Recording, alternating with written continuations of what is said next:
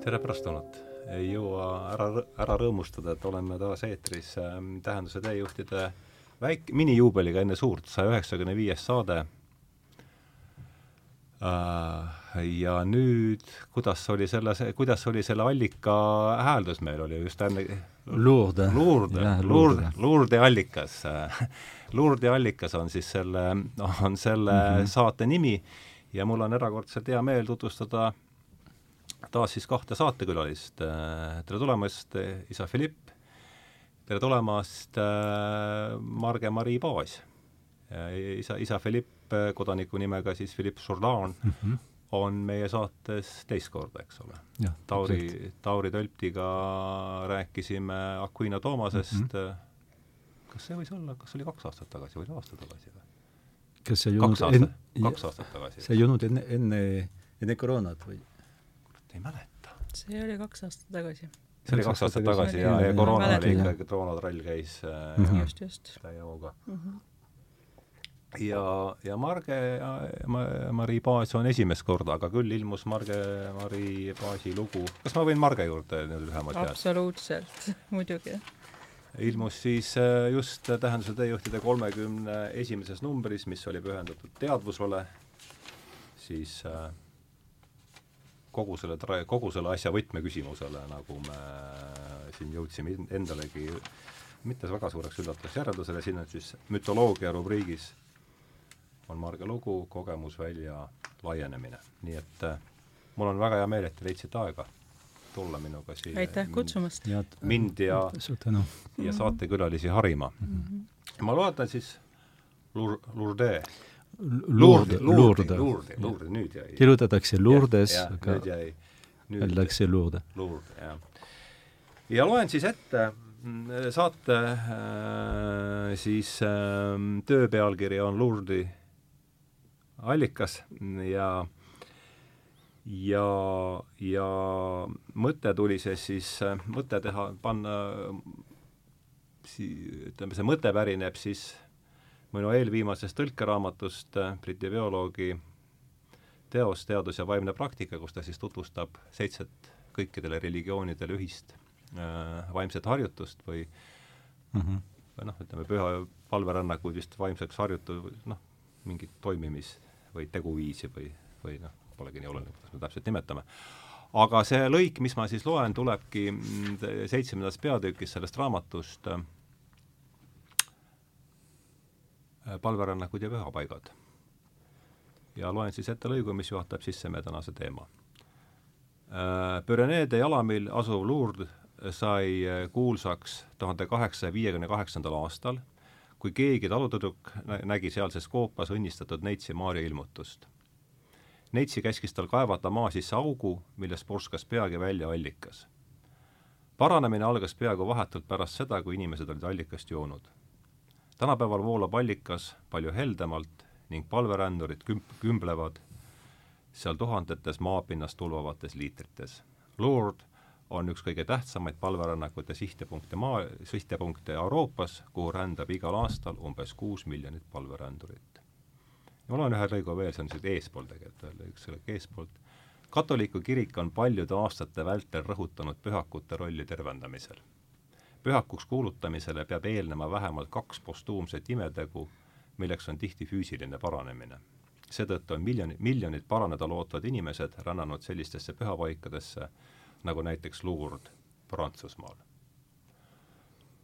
no seda ei ole, raamatut ei ole veel pseudoteaduse pähe meil ära keelatud ja et aga noh, ta kõlab kõlab kangesti, kõlab kangesti pseudoteaduslikult, aga seda huvitavamalt, et et täna meil on siis plaanis rääkida, teemade ring olekski siis te imelised tervenemised, pühakud, pühapaigad ja palverännakud. et millal te ise käisite viimati äh, palverännakul ah,? palverännakul või Lourdes'is äh,? jah ah,, nii üht, nii üht kui teist. jaa, palve, palverännakul oli, äh, viimane kord oli möödunud nädalal just ma olin äh, Prantsusmaal oma, oma vanemate juures ja, ja isa on, on mul üsna haige ja, ja, ja lihtsalt ma käisin ühes äh, Maarja pühamus, mis pärineb kolmeteistkümnendast sajandist. Ja mida muuhulgas templiordu omal ajal nagu rajas, see templiordu, mis on juba ammu, ammu läinud, ja seal ma tegin ka individuaalselt palverännakud ja muuhulgas seal traditsioonilised inimesed joovad vett, see, kui muidugi see ei ole nii tuntud koht, nii et seal olin möödunud nädalal ja, ja Lourdis mina ka, ma olen sündinud Pirenee mm -hmm. jalamil muuhulgas äh, aga umbes sada kilomeetrit äh, lääne poole äh, võrreldes Lourdiga ja see tähendab, et äh, kui äh, olin noor, muidugi me käisime väga üsna sageli Lourdis äh,, ja aga viimane kord see oli siiski mõned aastad tagasi, see võib-olla kümme aastat tagasi, ega siit ka mul ei ole nagu nii, tähendab, see Lourdes on, on siiski täiesti nagu Pirenee äh, Äh, Berliini keskel, see tähendab, et, äh, et see ei ole Pariisi lähedal ja, ja et üldse sinna jõuda, peab siiski natukene sõitma. ja, ja muidu kõik see, mida ma saan öelda, on äh, Lurdi kohta, on see, et vaadake, mina olen ütleme, oma eriala poolest, isegi kui praegu olen piiskop ja vammulik, aga, aga varem olin insener, ma olen matemaatikat, füüsikat õppinud ja selliseid asju. see tähendab, et tavaliselt ma, ma ei ole ka selline inimene, kes usub äh, igasugust asja, mida öeldakse ja, ja, ja keegi saab terveks ja, ja, ja nii. aga see, mida ma võin öelda, on see, et just nende Lurdi ähm, tervenemiste kohta esiteks see, kes ütleb, et seal on äh, tervenemine, et see ei ole haige ise et see on tervekomisjon, kuhu kuuluvad äh, arstid mm -hmm. ja ähm,, ja teoloogid. ja arstide seas umbes pool neist on äh, katoliiklased, kristlased ja teised on, ei ole. Mhm. Nad ei ole sageli usklikud inimesed. See, muidugi need arstid, nad ei, ei pea, see ei ole nende ülesanne otsustada, kas tegemist on äh, imega sest ime on seotud Jumalaga ja, ja nemad ei ole, nad, nad tegelevad inimeste kehaga, mitte, mitte Jumalaga. aga nad peavad otsustama ja ütlema, kas see tervenemine on toimunud, arvestades just kõikide andmetega ja kogu selle infoga, mis on, mis meil on selle patsiendi puhul kas äh, võib, me võime tõesti öelda, et see tervemine, tervenemine on, on selline, et praegusel ajal teadus ei, ei suuda seda äh, seletada mm -hmm. ning et vähemalt tänase seisuga ei ole, mm, ei ole näha, et äh, teadus seda kunagi saaks äh, seletada. nii et see on väga, väga, väga tõsine asi ja äh, mina isiklikult, kõik see, mida ma saan öelda, on see, et, äh, et just minu, minu külas kunagi elas üks, üks proua, üks naisterahvas, ta ei ole, ta ei olnud külas pärit, vaid kuskil Põhja-Prantsusmaalt. ja tal oli, ja see oli tõesti tõestatud, tal oli väga, selline väga raske skleroos, sellised skleroosid, mis tõesti teevad, inimene ei, ei, ei suuda enam üldse liikuda. Ja ta, ta on küll käinud Lourdis ja ma saan, ma ei olnud temaga koos, kui ta oli Lourdis, aga ma saan küll öelda, ma mäletan teda väga hästi, et, et pärast seda ta kõndis nagu teie ja, ja mina, eks ole, ja muidugi see, ta, ta on surnud, ta, ta oli juba, juba vana praegu, aga, aga see on fakt, et see naine sai, sai terveks, keegi ei os-, osanud seda seletada ja keegi veel ei oska seda seletada. nii, pärast igaüks teeb neid äh, järeldusi, mida ta tahab, aga see on äh, see, mida ma olen ise oma, oma silmadega näinud mm. -hmm. siiski, kui palverännaku paik Lourdes, Lourdes ei ole ainult seotud, ei ole isegi peamiselt seotud tervenemisega, sest palverännak on eelkõige selline vaimne teekond vaine moment ja, ja just me loodan, et saame ka sellest rääkida, mida see, mida see tähendab. aga, aga muidugi paljude inimeste seas, paljude usklike seas ja, ja eriti paljude katoliiklaste seas, see on selge, et lood on, on eriti seotud äh, nende äh, nagu selle tarbimisega või tarbijaks saamisega, aga ma veel rõhutan seda, et see ei ole Lourdi nagu peamine äh, sõnum, aga lihtsalt see on üks väga konkreetne ja, ja reaalne äh, ja üllatav nähtus mm. -hmm aitäh, äh, millal sina käisid, Marge, viimati palverännakul? võiks öelda, et üks paar nädalat tagasi Aha, tegelikult. kuhu viis tee?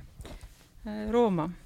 ja, ja see on, see on tegelikult üsna selline kummaline palverännak, no usklikuna sa saad äh, loomulikult aru, mis seal taga on ja et see oli usu, usutegu. aga, aga see juhtus niimoodi, et ma pidin minema Itaaliasse novembrikuus mm, -hmm. olid lennupiletid, aga ma haigestusin hästi raskelt ja hästi pikalt ja lükkasin lennupiletid edasi, et noh, maikuusse, mai algusesse, et noh, siis on kindlasti ilus ilm ja eriti Itaalias on äh, väga tore olla, et äh, noh, näeb, kuidas elu läheb, et ma siis kasutan need piletid maikuus ära.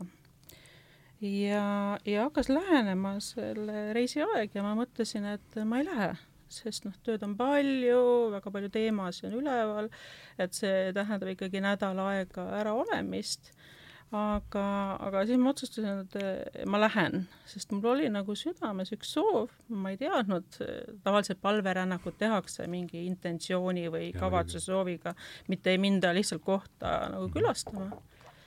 Aga mul oli lihtsalt üks soov, et ma pean minema siis äh, Benedictus kuueteistkümnenda hauale Roomas, kes siis siin mõned kuud tagasi, detsembri viimastel päevadel meie hulgast ju lahkus. Mm. -hmm ja ma ei teadnud, miks ma pean minema, mingi, midagi kutsus mind mm. -hmm. aga ma tean seda, et kui vahest on selline kutsumine, et siis, kui sa oled kohal, see kohalolu annab sulle vastuse ja, ja ma läksin siis Itaaliasse ja, ja see oli pühapäevane päev ja seal, kus ma ööbisin, siis oli ka üks, üks selline nagu vaimne, vaimne keskus ja, ja, ja seal oli üks need külalised austas, ütlesid, et ära sa Püha Peetruse väljakule küll mine mm. -hmm. see, mis seal toimub, äh, seda ei ole nad mitte kunagi näinud, sest praegu on Rooma täis turiste, palverandureid, koolide gruppe, seal on lihtsalt võimatu saada Püha Peetruse basiilikasse sisse.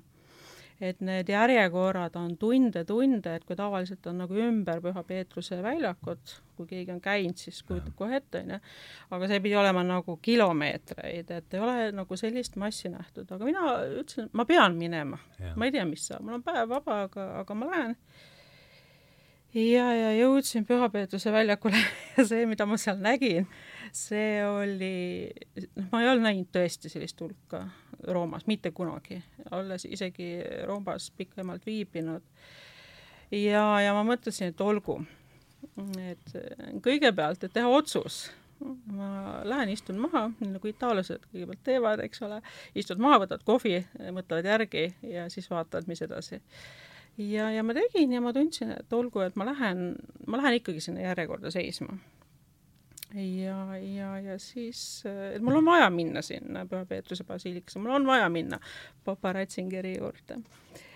ja, ja siis, kui ma seisin ja, ja hästi, hästi soe ja palav ilm oli, et päris kurnata, et ma nägin, inimesed tegelikult noh, loobusid väga paljud, aga ma mõtlesin, et ma ei taha kiusatusele alla anda, et mul on mingi asi, et ma pean minema. ja seisan seal järjekorras Püha Peetruse väljakul ja noh, ma ei tea, kui palju nagu vaatajad, kuulajad äh, teavad, et ma tegelen otseselt ühe ütleme, õndsaks kuulutamise pühaku projektiga. ja, ja meil oli nagu tükk aega vaikus olnud.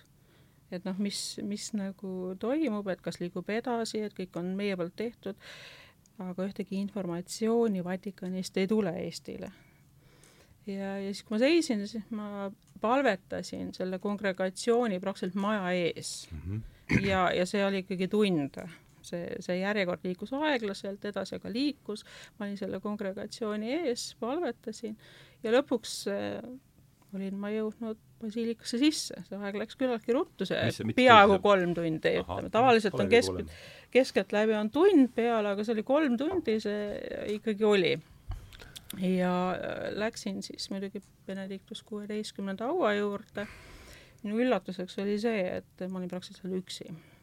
paari üksikut inimest olid tulnud et noh, pühapaika või noh, sellist kohta või tõesti, et noh, nii suur paavst on lahkunud, külastada vahetult peale teda matuseid mm -hmm. ja mhm. siis Püha Peetruse krüptis tõesti oli seal väga palju inimesi, praegu ma olin praktiliselt üksi. aga noh, see selleks ja, ja, ja, ja oligi see, et ma, see emotsioon oli muidugi valdav, tavaliselt igasuguste valverännakute, kui sa oled sihtkohta jõudnud, siis ja. loomulikult sa võid olla väga ratsionaalne inimene, ka minul on majandustaust tegelikult Tehnikaülikoolist, aga, aga need emotsioonid olid tugevad ja ma ütlesin, et noh, papa Ratzinger ise ütleb mulle hiljem, et tavaliselt vastuseid ei tule kohe, meie inimestena tahame kohe saada vastuseid mm. -hmm ja, ja järgmisel hommikul ma alustasin Roomast väljasõitu, siis ma ütlesin oma tuttavale perekonnale, et ma ei taha seal olla, see on noh, see on liiga palju seal, ma ei, ma ei saa, et mul on vaja ühte teksti kirjutada, et ma lähen ära. ja jõudsin siis oma tuttava perekonna juurde Itaalias, maakohta ja õhtul tuleb kiri, et teate selle teie pühakuks kuulutamise projektikomisjon koguneb sellel päeval, sellel ajal ja siis ma sain aru, miks ma pidin sinna minema, miks ma pidin selle läbi tegema ja mitte alluma kiusatusele tagasi tulla. et see on selline viimane paar nädalat tagasi mm. juhtunud konkreetne palverännak. muidugi on mu elus olnud ka neid palverännakuid, mis on elu muutvad olnud, just sisemise elu muutvaid, aga neist võib-olla siis hiljem rääkida mm. -hmm aga hakkamegi võib-olla, aitäh teile sissejuhatuste eest, et hakkamegi võib-olla, me jõuame allika juurde kindlasti ka, aga hakkakski võib-olla sikutama seda niidi otsa sealt palverännakute koha pealt, et mis laadi, mida kujut-, palverännak on eelkõige vaimne, vaimne teekond. Ja, ja seal mängib olulist rolli, eks ole, taotlus. Ja millist rolli mängib äh, räägiks sellest palverännakute teoloogilisest taustast mm -hmm. katoliku kirikus, et ja jah, võtakski selle, selle selliseks ähm, teemaks. muidugi palverännakuid on, on väga palju ja väga, väga erinevaid ja mitte ainult katoliku kirikus. muidugi ma, ma tean seda. Äh, mõne aasta tagasi ma olin ähm, Compostela Santiago's, mis on üks väga äh, väga, väga oluline koht, väga, väga tähtis ähm, palverännak ja seal meil oli seal üks mingi piiskopide kohtumine, Euroopa piiskopide kohtumine ja, ja meile näidati kõiksuguseid asju, ka muuhulgas seal on mingi suur keskus, kes, kus tegeletakse palveränduritega mm. -hmm. ja on tõesti väga väga erilised lood muuhulgas, isegi kui see ei, ole kohe seotud sellega, millest ma, ma tahan rääkida, aga mäletan seda, et et ühel hetkel ma kohtusin seal ühe preestriga, kes oli, kuidas öelda, nagu jah, nagu vaimulik isa seal või pihiisa. ja ma, ma ütlesin talle, aga mida sa muidu, mida sa teed ja kas sa siis võtad katoliiklased pihile ja need, kes ei ole katoliiklased, ajad juttu ja äh, ja siis ta ütles mulle, et, et tegelikult siin äh, vaimuliku figuur on, on väga tähtis, ta ütles mulle näiteks äh, paar päeva tagasi ma kohtusin ja rääkisin ühe äh, austraallasega, Austraaliast, inimene, kes tuli just äh, Austraaliast Santiagosse. Ja ma küsisin tema käest, ta, ta ei olnud vist väga nagu usklik või ei ole, ei ole aga ta ja, ja see presser küsis tema käest, aga miks te tulite siia, mida teie siin otsite? ja, ja siis see mees vastas talle, et ma otsin siin jõudu andestada äh, minu äh, poja mõrvarile, andestada sellele inimesele, kes on mõrvanud minu, minu poega. ja ta ütles seetõttu, ma, ma tulin äh, tulin Santiagosse. Ja muidugi väga üsna kõva lugu, eks ole, ja, ja selline eesmärk, ähm, mis on väga eksistentsiaalne, väga, väga intiimne. Ja see, no see on lihtsalt, lihtsalt üks äh, näide sellest, mida, miks inimesed vahel tulevad väga kaugelt, nagu lõunamaakeras näiteks, Santiagosse ja mida nad, nad otsivad. Mm.. Muidugi kõik ei ole nii dramaatiline ka seal, aga, aga see on, see on üks, üks näide. ja muidu selles, mis, mis puudutab just palverännakut ja, ja, ja just katoliku kiriku jaoks, see, mida vahel ma olen ka kuulnud inimesed, kes ütlevad, et palverännaks on ka selline koht, kus me, me paneme, paneme ennast proovile näiteks, et seetõttu see peab olema üsna sportlik ja, ja või ja, või, või käime sellistes kohtades, kus on mingi spetsiaalne energia äh, pühakute äh, hauad või, või reliikiad või, või sellised asjad. tähendab, need, ähm, need motivatsioonid, need es-, eesmärgid ei ole, muidugi ei ole, ei ole mm, valed, aga aga lihtsalt see, mida mulle alati nagu seletati ja, ja, ja õpetati ja ma arvan, et see on tegelikult palverännaku tähendus, vähemalt kristlikus äh, kontekstis, see on see, et ähm, et palverännak, palverännakus meie väljendame seda, et inimene on nagu öeldakse ladina keeles homo viator, see tähendab inimene reisija. Mhm. Homo viator, see on see, mis see tähendab, reisija mitte selles mõttes, et ta äh, kuhugi reisib Santiagosse või Lourdisse või kuhugi mujale, vaid selles mõttes, et ta on mööduv, ta on äh, muutuv, mhm. et tema äh, et iga inimene on teekond. ta ei ole ainult mina, kes seisan nii nagu igavesti, mm. aga ma, ma olen ise teekond. ma olen algus, mul on algus, mul on lõpp ja kõik minu elus on just äh, selline äh, nagu mööduv. Mm. Ja see on meie, meie inimelu siin, siin, siin meie maailmas ja seda ükskõik, kas sa oled katoliiklane, luterlane, õigeusklik, mohamedlane või, aga meil on sama, samasugune kogemus, eks ole, sellest, et, et siin meie niimoodi elame. nii, tuleb aeg, kus, kus homo, see homo, see tähendab, homo ladina keeles tähendab inimene mm, -hmm. kus see homo ei ole enam viator. ja ähm, see tähendab, ta on radikaalselt erinev ta on seesama inimene, aga radikaalselt erinev sellest, kuidas ta, ta siin elab. seetõttu meie, kristlased, me usume, et Kristus tõusis üles, eks ole, ülestõusmispühal. see Kristus, kes pärast ülestõusmispüha äh, suhtleb äh, apostlitega ja, ja nii, ta ei ole enam just homoviator ja ta on äh, nii, nagu meie kunagi saame olla. Kõik need teised, kes on äh, üles tõusnud või keda äratati surnuist üles, nagu Laatsarus, Kristuse sõber, nagu Naini lesknaise poeg ja nagu teised, nad on veel homoviator. kui me ütleme homoviator, meie räägime tegelikult äh, tõesti inimese loomuse seisundist. ja äh, ja see, see seletab just, miks me, meie võime rääkida igavesest elust, vahel on, inimesed ütlevad mulle, aga aga vaadake, et juba selle lühikese eluga, mis mul on siin, mul on, ma ei tea, pea valutab äh, igal nädalal või, või äh, ma ei tea, jalad valutavad äh, iga päev või, või tervis on äh, on, on nii, et äh, ma ei kujuta ette, kuidas ma võiksin igavesti elada sellisel viisil, eks ole, et kus pea valutab kogu aeg, kus äh, äh, olen nohus äh, aeg-ajalt, kus on koroonaga tuleb ja, ja nii ja vahel inimeste jaoks, et annab seda, et kuidas üldse elu saaks olla igavene. Ähm, ja see on just see, mida palverännak tähendab, see on just see, et ähm, selline elu kindlasti ei saa olla igavene mm. -hmm. Homo viator kui viator, kui reisija, ta ei saa olla igavene. see, mis on igavene, see on just see homo. aga kuna see on täiesti radikaalselt erinev eluviis või elu, elutase, siis meie, meil on väga raske seda ette kujutada.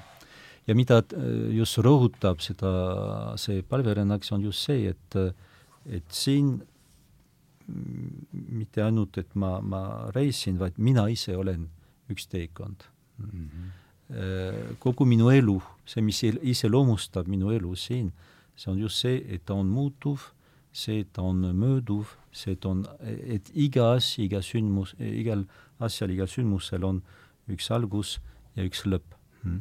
ja see on siis palverännaku inimelu selline sümbol, algus ja, ja lõpp. ja täpselt, et äh, see, mis ma arvan, ma respekteerin ka kõik seda, mida võib öelda kõiksuguste palverännakute kohta, aga see kõige sügavam tähendus just, mis on palverännakul, on see, et ta nagu sümboliseerib või, või äh, nagu mingil määral nagu võtab kokku inimese elu, nii nagu ta praegu on siin maa peal mm. -hmm. Ja teeb ju seda vahet, see elu, mis on siin, mis mis on muidugi piiratud, need kaheksakümmend või sada aastat maksimaalselt, mida meie siin loodame elada, ja see, mis tuleb pärast, selle kohta meie ei saa väga palju öelda. me saame lihtsalt seda öelda, et ähm, see on see, mis see praegune elu ei ole. seetõttu Paulus ütleb sellised väga, väga ilusaid sõnu minu meelest, et see, mida silma ei ole näinud, see, mida kõrva ei ole kuulnud, see, mis ei tulnud inimmeelde, see on see, mi-, mida Jumal on loonud nendele, kes seda armastavad. sellega ta kirjeldab igavest elu sellisel viisil, mis, see ei ole kirjeldus, aga see on kõige täpsem, kuidas öelda, iseloomu defineerimine sellest, mis on äh, igavene elu ja, ja ühesõnaga palverännak on niimoodi olnud ja ma usun, et mingil määral isegi need palve, palverännakud, mida inimesed tegid enne kristlust või mujal absoluutselt hoopis nagu teises kontekstis, alguses kuidagi nad, see on see, mida nad väljendavad. Nad väljendavad, ütleme, inimese elu, nad iseloomustavad inimese elu, inimelu praegu just selle lõplikkusega, selle haprusega mm, -hmm. mis on praegu meie praegune just elu, eluseisund, mis ei, ei pruugi olla, mis ei ole kindlasti see igavene elu, eluolukord, aga mis on meie praegune elu. ja, ja, ja ma arvan, et seetõttu me käime äh, palverännakul. muidugi tähtsad on need eesmärgid, kuhu me läheme ja lood on need, need Simaria ilmutused. Santiago on äh, apostel see mm, Püha Jaakobuse äh, haud ja, ja, ja mujal on ka nagu teised asjad ja ma arvan, et muhamedlasena käivad ka, neil on ka oma, oma asjad ja on la, see Mekka Kahaba ja, ja, ja nii. aga peab aru saama, et palverännaku tähendus ei ole nii palju just see eesmärk, kuhu minnakse, vaid see on pigem just see eh, inimelu, mida kirjeldatakse mm. -hmm jah, inimelu sümboolne kujutis jah, just mm, -hmm. või jah, algus ja lõpp ja, ja ajalikkus. see ajalikkus, see, see haprus, sellepärast me oleme kõik haprad see, see, et inimene on nii piiratud, tähendab, see ei ole karistus, vaid see on meie praegune reaalsus, millest meie võib-olla vabaneme, vähemalt see on kristlaste veendumus mm. -hmm. Marge, ole hea, mida oma jah, et võib-olla nagu täiendusena siia tuua juurde, et äh, iga palverännak eeldab teatud hoiakut mm, -hmm. eks ole ja see teelolek iseenesest on ka hoiak või ütleks hoiaku kujundamine või kas sa suudad seda ise mõjutada või, või seda muudetakse. ja sealt edasi juba sellest arusaamine, mis palverännaku aeg toimub. aga selle hoiaku juurde käib alati ju palve, sest kui meil mm, -hmm. ei, kui sa oled teel ja sa, sa ei palveta olenemata nüüd siis konfessioonist või usust, siis ta võib jääda ainult ühe koha külastuseks, et see on kindlasti turismireis järjekordne? noh, võib nii öelda või lihtsalt inimesed külastavad kohti ja võib ka olla mingi intentsioon, et minnakse ja vaadatakse, aga see palve peab olema selle teekonnaga käsikäes, see teeb temast palverännaku. ja, ja, ja seal on veel üks oluline nagu nüanss, noh, kui vaadata, ütleme ka isiklikust kogemusest, kui ma olen palverännakul käinud või vestelnud inimestega, kes on olnud palverännakul, et see teekonnal olemine teeb alandlikuks mm. -hmm. et see alandlikkuse moment, et sa pead ikkagi ka nii oma südame, hinge kui mõistusega aru saama, et kellega sa seal teel oled. Et see ei ole lihtsalt sinu üksik rändamine, ma olen ka väga palju argumenteerinud sõpradega, kes on läbinud erinevat distantsi Santiago de la Compostelale ja, ja tundnud, ma ei tea, üleolevaid tundeid ja meeleolusid aga olulised elemendid, mis teevad palve rändakuks ja sellest arusaamine, need nagu puuduvad, ma ei ole küll läinud nagu vaidlema, kes olen mina, kes hakkab nagu ütlema, et see võib ka näiteks kümne või aastate pärast mingisugune element sellel teel olemisel hakata tööle. et, et noh, seda, seda ei tea. aga üldiselt on niimoodi, et inimesed lähevad rändama, midagi tõestama või on siis mingi üleelamus olnud, seda on ka ju väga palju, et raskused meil on eh, elus. Aga, aga see ehk on just nagu iseenese leidmine ja teel olemine natukene teine filosoofia kui palverännak, mis nõuab teatud hoiangut, just sellisest nagu alalhoidlikkust ja alandlikkust. jah nii et äh, kolm, ütleme siis siiani, mis ma olen pannud enda jaoks kõrva taha, et ta sümboliseerib seda siis inimelu, selle mhm. ajalikkuses, apruses, ta algus ja lõpp, sinna juurde käib siis palve ja, ja, ja alandlik äh, hoiak. see on vahekokkuvõte. ja käib ka teatud rõõm. Aha, ja, ja tegelikult, kui te käite Santiago's, Santiago linna lähedal on üks ähm, nagu väike mägi või, või, või küngas mille nimi on hispaania keeles Monte del Gozo ehk äh, Rõõmumägi. Mm.. see on Rõõmumägi ja see, see on väga, väga tuntud koht seal Santiago's ja mis, see asub äh, Santiago linna, linnast nagu äh, ja ida, ida poole natukene või paar-kolm kilomeetrit, mitte rohkem. ja, ja siis ma, seal olles ma küsisin, aga miks, miks seda nimetatakse niimoodi Rõõmumäeks miks Rõõmumägi. ja siis nad, nad ütlesid, äh, seletasid mulle, aga see on, see on väga lihtne. see on lihtsalt see koht, kus ähm, keskajal, kui need äh, Santiago palverändurid tulid, siis nad tulid idas, sest sellepärast, et Santiago asub äh, tõesti väga-väga nagu lääne pool seal Hispaanias, siis see oli see esimene koht, kust nad nägid juba äh, Santiago linna ja yeah., ja, ja apostli apostlite hauda. ja kuna äh, see, see oli mitte veel palverännaku lõpp, aga see esimene koht, kus sa näed oma sihtpunkti ja, ja siis oli suur äh, nagu rõõmu nagu täie, nagu täielik plahvatus, eks ole, ja, ja sellest see, see nimi, et see on Rõõmumägi, tähendab, see on see mägi, kus palverändur tunneb äh, täielikku rõõmu. Juba selle peale ta teab, et ta on, ta on lähedal. ja ma, ma arvan, et palverännaks on ka natuke niimoodi ja ja, ja kui inimene on jõudnud oma palverännaku lõpule, siis ta tunneb rõõmu, mitte ainult äh, sellepärast, et ta on olnud kõva, kõva mees või, või kui ta on meesterahvas muidugi, aga ta, ta on läbinud neid, äh, kõik need kilomeetrid, vaid see on selline hingeline ja hingeline ja füüsiline rõõm samal ajal. see on mhm. see rõõmumägi mm. -hmm ma jah, ma mäletan küll seda, kuidas me ootasime, et millal nüüd hakkab see kirik siis lõpuks või katedraal paistma lõpuks seal Compostelas, ma ei tea, kas see, kas see oli nüüd see Rõõmumägi, kus me seda nägime, aga võis ka vabalt olla. jah, sest äh, ja, sest ei ole ka nagu väga palju erinevaid kohti, kust esimest korda ja, sa need, vähemalt kui sa tuled idast, siis me tulime tegelikult Portugali teed mööda, nii et võis ah, no, olla siis, siis on teine, ah, muidugi on, on ka teised, teised teed, on inglise Inglise tee, mis tuleb põhjast, on lõunatee, mis tuleb Portugalis ja see on päris selge, et nemad tulevad hoopis nagu mujalt, aga suur, suur enamus palverändurite siiski tuleb idast. aga noh, see tunne ikka see, et millal nüüd ja, esimest korda ja, ja. siis äh, näeme seda katedraali, et see oli küll äh,, ma saan aru, kus see, kust see sõna tuleb.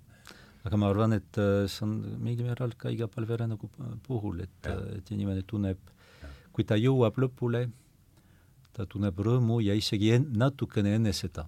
see mm -hmm, võib-olla, et äh, kui sa oled juba lõpule jõudnud, võib-olla see, see rõõm ta ei, ta ei ole kadunud, aga, aga ütleme, see kõige suurem rõõm on ja, siis, kui sa näed rõõmumäele jõuad. jah, just, see tuleb ahah, aga no mitte igale poole ei rännata, te, te ütlesite küll, et see sihtpunkt ei olegi nii tähtis, aga tavaliselt ikkagi ju rännatakse, eks ole, mingi pühapaiga, pühapaiga poole, et äh, siin on äh, selles samas peatükis on minu meelest äh, ka alapeatükk, kui ma nüüd õigesti mäletan, et mis teeb paiga pühaks et võtame siit siis, võtame siis, läheme siit edasi mm -hmm. pühapaiga teemaga ja hakkame vaikselt ja. selle allika poole liiku-, üldiselt üksikule. ja tähendab, seal on äh, väga, väga erinevad, äh, ma arvan, väga, väga ja erinevad võimalused, aga väga, väga erinevad palverännakud ja, ja, ja sihtpunktid ka. muidugi Santiago puhul see on selge, et see on äh, apostli haud mm.. aga peab ütlema, et äh, miks just äh, Santiago, kui tegelikult on ka teisi äh, noh, teisi pühakuid, kellel on, äh, on haud kuskil, näiteks Lõuna-Türgis on püha Philippusel on ka oma, oma haud, aga mitte kõik ei ole pal-, palverännakud mm. -hmm isegi kui nad on tõesti äh, tunnustatud pühakud, mitte et automaatselt, kui sul on mingi pühak, kes on kuskilt mäetud, siis inimesed hakkavad seal käima. see tähendab, et palverännak on ka väga äh, suurel määral nagu seotud mingi nagu, nagu kuidas öelda, rahva või, või, või, või kirikliku ka vahel, kirikliku, kirikliku traditsiooniga, see tähendab, et äh, teatud põhjustel äh, ja vahel meie ei tea täpselt kõik need põhjused, aga me, me teame küll, miks, miks algas see Santiago palverännak äh, kuskil üheksandal või kümnendal sajandil, aga meie ei oska seletada, miks just see, äh, see tee muutus nii, nii tähtsaks, kui tegelikult mujal äh, on ka teisi pühakuid, öeldakse, et Napoli lähedal on äh, on Püha Matteuse äh, haud ja, ja, ja mujal on, on, on ka teised asjad, aga seal ei ole tekkinud sellist oh. traditsiooni. nii et see tähendab, et et ähm, peab olema muidugi mingi eesmärk, mingi motivatsioon, äh, midagi, mis tõmbab inimest, aga peab ka olema äh, kuidagi teatud otsus, mitte, mitte ainult üks konkreetne inimene, vaid kogu rahvas või kogu kirik mm, võtab ja, ja siis see teeb, et, et see muutub äh, palverännakuks. meil on siin äh, noh, lähedal on äh, muidugi siin Eestis meie käime näiteks Viru-Nigulas, kus keskajal oli vähemalt Eestis kõige suurem Maarja Maarja ja Maarja, Maarja palverännak. Ja öeldakse, et isegi sada või sada viiskümmend aastat pärast reformatsiooni mm, -hmm olen seda lugenud äh, äh, Viru-Nigula äh, vallavalitsuse kodulehel lihtsalt, et tollal oli ja seal oli mõned aruanded, mida kirjutasid kohalikud luteri kirikuõpetajad ja nemad ütlesid ja nad olid väga nördinud muuhulgas, sest nemad, nende jaoks see asi oli nagu mingi ebausk või, või kahtlane asi. ja nad ütlesid, et igal aastal heinamaaria päeval, see tähendab juuli äh, kuu alguses. Suured rahvamassid tulevad ja teevad oma eba, kuidas öelda, jah, oma, oma kummalisi asju seal ja, ja, ja muidugi nad ütlesid seal, nad, nad joovad ja nii, aga siiski eh, nad mainisid ka seda religioosset aspektit, mis oli siis, kui tegelikult katoliku kirik enam ei, ei olnud seal kohapeal juba sada viiskümmend aastat, aga ütlevad, et suured rahvad tulid ja, ja me kutsusime äh, sõdureid Tallinnast, et nad seda peataksid, nad ei ole suutnud seda teha, nad ütlevad. Mm.. nii et äh, on olnud see, see äh, äh, see Viru-Nigula, siis on Vastseliina mm, -hmm. mis on seotud püha, teatud püha risti ilmutusega, mis toimus neljateistkümnendal sajandil just selles kohas, selles kapelis, selle lossi kapelis väga huvitav, huvitav lugu muuhulgas, ja sealt ka oli tekkinud mingi mingi nagu päris suur palverännak, sest palverändurid tulid isegi Saksamaalt tol ajal. Mm. ja, ja siis on Lätis näiteks on Aglona, mis on Aglona? Aglo-, jaa, Aglona ja mis on väga, igal aastal viieteistkümnendal augustil kogunevad seal lau-, ma, ma olen olnud paar, paar korda, lausa sada, sadu tuhandeid lätlasi wow. Äh, kogunevad seal ja, ja tavaliselt ka Läti president, äh, Läti Vabariigi president nagu tuleb ja see on neil väga see oli augustis, jah? jah, see on Netsimaar ja Pühamu ja see on neil väga, väga tähtis. Äh, siis on see Koidu värav Vilniuses, mhm. Poolas on Tšenstohova, mis on ka seotud Näitsi marjaga ja kus käivad, seal on, on nii, et äh, näiteks on äh, tõesti kümneid ja kümneid inimesi, kümneid tuhandeid inimesi, kes äh, käivad jalgsi, tulevad jalgsi Põhja-Poolast Tšenstohovasse, mis asub tõesti nagu lõunapiiril, ja nad niimoodi jalutavad kolm, kolm nädalat. kolm nädalat võtavad seda aega inimesed, kes muidu töötavad, neil on oma töö, noh, ja kogu puhkuseaeg läheb just selle palverännaku peale peaaegu. ja, ja jõuavad viieteistkümnendal augustil äh, Tšentsuhovasse ja, ja, ja seal jah, seal lõpeb see palverännak. või, või näiteks kui ma rääkisin Aglonas sama, samamoodi viieteistkümnendal augustil, tulevad siis, siis väga palju lätlasi ja, ja sageli nad teevad niimoodi, et et kui päev on lõppemas, siis seal Riiast, me oleme, oleme Lätist, nad, inimesed nagu lahkuvad töölt nagu, nagu, nagu iga päev ja siis asuvad teele Aglona poole, mis asub Valgevene piiril, seda on päris kaugel, ja seal nad jõuavad, öösel neil on kogu öölepi, on terve öölepi on missad üksteise järel.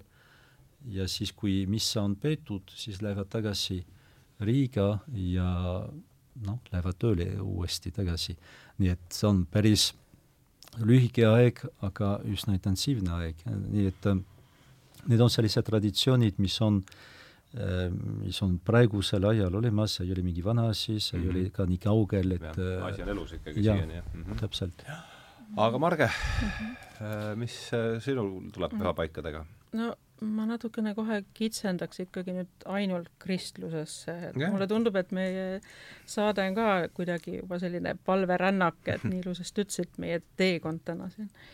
et äh, esmalt muidugi Jeruusalemm, me ei saa ju pühast Jeruusalemmast mööda, eks ole, et äh, pühakiri Jeesuse Kristuse elu, et see on ikkagi üks ikkagi suurim, noh, ta on küll ka teistele religioonidele aga, aga, aga ma alustaks sealt, et ütleme, kõik need pühapaigad, püha paik, kes on püha, püha on Jumal ise, ütleb teoloogia. ta on ikkagi, ma arvan, Jumala enda poolt nähtud, et need paigad on pühad. kas seal on siis mõni pühak või on seal olnud Neitsimaare ilmutus või mingisugune erakordne, ma ei tea, mingi lugu mõne kohaga aga kui nad on ikkagi, ütleme, noh, selliseks pühakuks kuulutatud või kinnitatud, siis niisugused ilmutused, et tõenäoliselt on ikkagi Jumal ise näinud, kui ta on näiteks, ütleme, neid Samaari ilmutusi me teeme palju, eks ole, seesama Lourdes on ju, Fatima on ju mm, -hmm. Guadeloupe, Mehhikos. Fatima on seal teises otsas seal. Fatima on Portugalis. Portugalis, eks ole, just, just et, et nagu kui nüüd jättes nüüd kõrvale kogu selle inimliku poole ja selle rännaku, et tundub, et see on ikkagi ka, ärme unusta, et see on Jumala soov, et oleks need kohad, kus me saame ka usus kasvada mm. -hmm. kus me saame Jumalaga rääkida, jälle seesama palve aspekt. ja ma arvan, et noh, kõige, kõige selline nagu suurem ikkagi palverännu koht on ikkagi Jeruusalemm. ma olen seal käinud, ma viibisin seal päris pikalt ja alguses võimalik, et ma läksin nagu, nagu skeptikuna, et jah, et seal on nagu väga palju ajaloolisi paiku ja traditsioone ja pühakirjast võime lugeda, võid ette võtta ju teksti, käia, käia läbi. aga, aga seal kohal, kohal olles ikkagi see millal see oli? see oli aastal, kui ma nüüd ei eksi, kaks tuhat seitseteist. et mõned aastad tagasi ja, ja tegelikult see oli, reis pidi peaaegu ära jääma, sest ja. vahetult enne meie valverännakut olid Jeruusalemma äärelinnas äh, need terroriaktsioonid, inimesi hukkus mm. -hmm. et öeldi, et ärge tulge, et päris ohtlik on, aga me lõpuks tegime ikkagi väikese katoliiklaste grupiga otsuse, et me läheme mm. -hmm. nii et, et, et see toimus ja, ja see oli muidugi hästi ilus reis ja mitte ainult muidugi Jeruusalemma, vaid me käisime Pühal maal ringi ikkagi, alustasime Betlemmast ja, ja, ja siis Taborimäed, noh, Natsaretid, Jeruusalemmas me tegelikult lõpetasime mm. -hmm no, ja, ja, ja tegelikult sellise palverännu sisu peale ma just mõtlesingi Pühal Maal, sest tegelikult kes olid esimesed palverändurid kristlikus mõttes? olid äh, kolm kuningat, kes tulid Jeesuslast mm -hmm. kummardama. Nemad võtsid ette palverännaku ja seal me näeme täpselt samamoodi seda rõõmumomenti, kui nad kohtusid väikese Jeesuslapsega, et see on tegelikult esimene, kui me tahame võtta, et mida üldse võiks tähendada palverännak ja, ja, ja mõelda seda, et tõesti olid tähetargad või kuningad või kõrgest soost olekud ja hakkavad võtma ette rännakut kuhugi teadmata kohta, kes neid juhatas, kuidas see toimus. Ja, ja, ja et see on nagu esimene mõte selgitada, et tegelikult ikkagi on see, et, et kas ei ole, et kui sa alustad ühte tõelist palverännakut, see on tegelikult Jumal ise näinud kutsu, ütleme kas seesama, see mu viimane paarinädalane Rooma näide. et noh, sageli me ei, me ei tea, kuidas mõtleb Jumal. me, me, me, me ei saa, meie inimmõistus ei ole noh, nii kaugele, inimteadvus ei ole laienenud, eks ole. me võime läbi palve ja teatud noh, kuidagi loomulikult suhelda ja mõista, mis see on ikkagi, aga see on see mõistmine ise meie inimeste jaoks aga, aga, aga alati palverännakutel see teekond, mis on, seal midagi juhtub ja, ja seal on ikkagi, kui see intentsioon ja hoiak on sees mm, -hmm. Jumal kaasas ja seda ei tasu nagu ära unustada. ja ma need pühad paigad, ma ütlen, on samamoodi, et, et kas see ei ole mitte, et see on ikkagi tema kui kõige kõrgem ette nähtud, et miks seal on see just ja miks see keegi isik on saanud pühaks. Franciscus Assisist Püha Clara sealsamas, kus on ka mm, väga ilus linnakene Umbrias, Itaalias, kus ka tohutult palju inimesi käib ja palvetavad äh, Franciscuse haua juures mm. -hmm. ja nüüd, eriti nüüd ma tean, et sinna tehakse, kuna noh, teda öeldakse ka, et ta on nagu rahu patroon ja Assis on nagu rahu, niisugune rahu pealinn, ütleks maailmas, et rahu eest palvetada minnakse ühe Assu. nagu intentsiooniga et noh, Assisi, kui, kui sa juba sisened, seal on juba pandud nagu kirja mm, -hmm. tehtud selline puudest ornamentika, et see on rahulinn, et selles suhtes, et et ühelt poolt on nagu Jumal saadab need pühad kohad, aga inimene hakkab ise kujundama seda teekonda, ta on, ta kuidagi saab seda nagu täiendada oma läbi palvevormi. Aga ma ütlen, et ega, ega me täna ei suuda lõplikuna seda välja öelda, et mis, mis, mis asja teeb üks asi nagu ikkagi selleks pühakohaks või pühapaigaks. et need on ajalooliselt, me näeme, ütleme ikkagi olnud.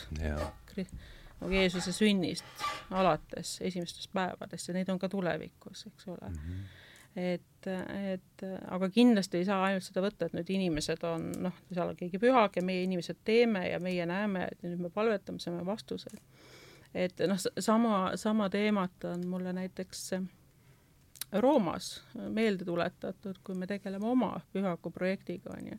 et noh, me ei saa, me, on hulk inimesi, kes tegelevad pühakuks kuulutamisega, ei saa öelda, et need inimesed on nagu selle pühakuks kuulutamisega.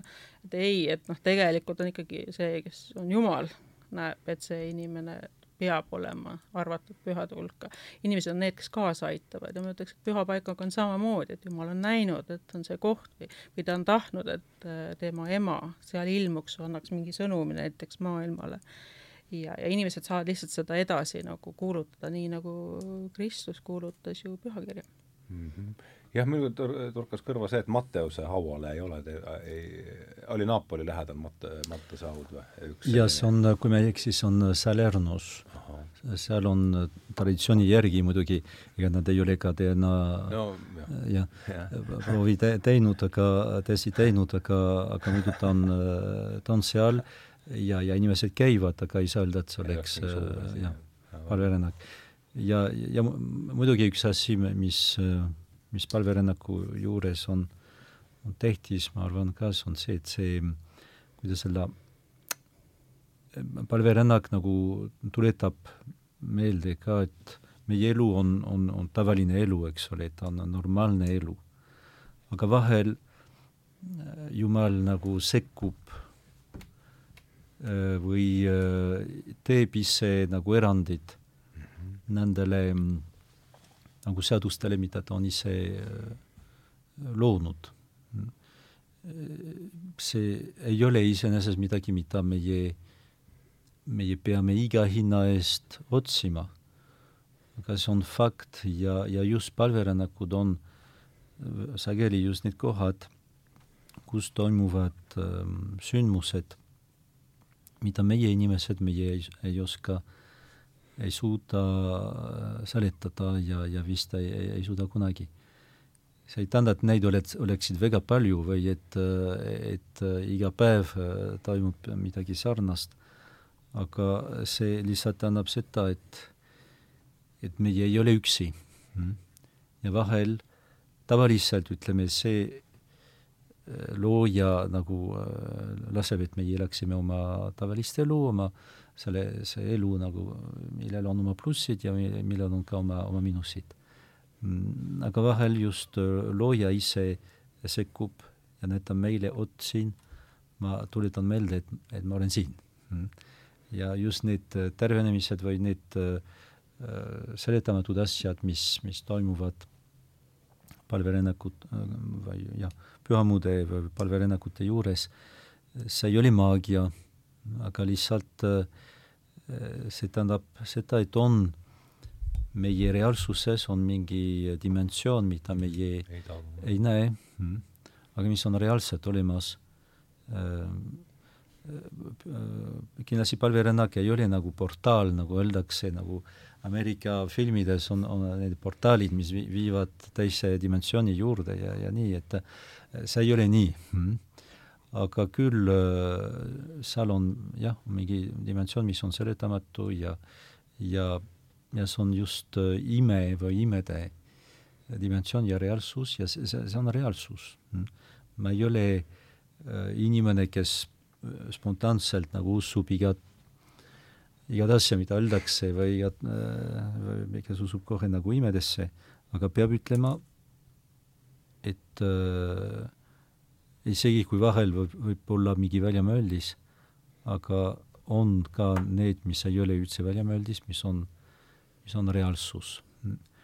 ja nii, ja pärast, aga ma arvan, et need, need imed on, on ka sellised, et kui sa seisad nende ees, siis ähm, nad ei, ei ole ka nagu sellised, kus sa oleksid nagu sunnitud, eks ole, ütlema, vot see on, see on Jumal.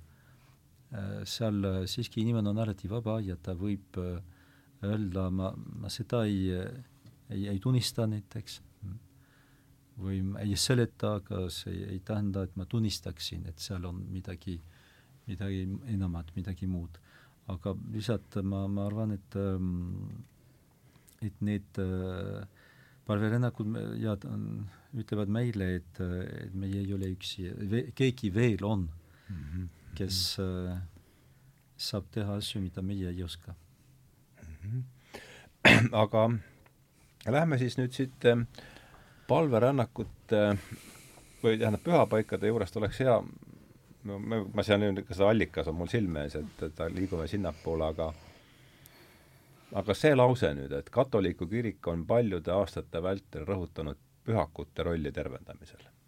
kes on pühak, mis on nende teoloogiline selline mm -hmm. roll ja, ja ja Jumala immanentsus ja transcendentsus on need teemad mm, -hmm. mis mind tegelikult äh, huvitavad tähendab, muidugi see sõna pühak ähm, eriti Põhja-Euroopas tekitab vahel teatud äh, nagu äh, mitte alati positiivseid äh, mõtteid. see on reformatsiooni pärast. jaa, just, see reformatsiooni pärast ja äh, sellepärast, et äh, jaa, leidi, et äh, pühakutega äh, minnakse nagu liiga kaugele või et äh, kas ei oleks äh,, ei ole sellist riski, et äh, või kas katoliiklased ei, ei kummarda pühakuid nii, nagu nad peaksid Jumalat kummardama ja, ja selliseid asju.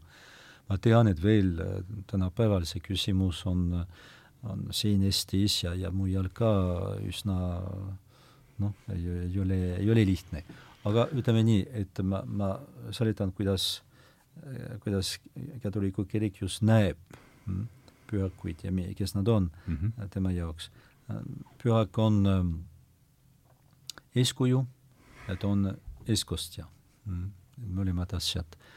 ta on eeskujust, et me usume, et, et ta on inimene, kes on eriti just eeskujulikult, äh, kangelaslikult ela-, elanud oma, oma usku, oma lootust, oma, oma armastust. Mm. ja, ja seetõttu nad kuidagi tõmbavad meid kaasa, nad on meile just eeskujuks ja ja inimene vajab eeskuju, ta vajab eeskuju, tema isa võib olla tema eeskuju, ta vajab terve elu jooksul, ilma eeskujuta tegelikult ei õpi midagi. jaa, just, jah. nii et ja, ja selles mõttes pühak on see maksimaalne eeskuju ja sellega kõik on nõus ja, ja ma ütleksin, et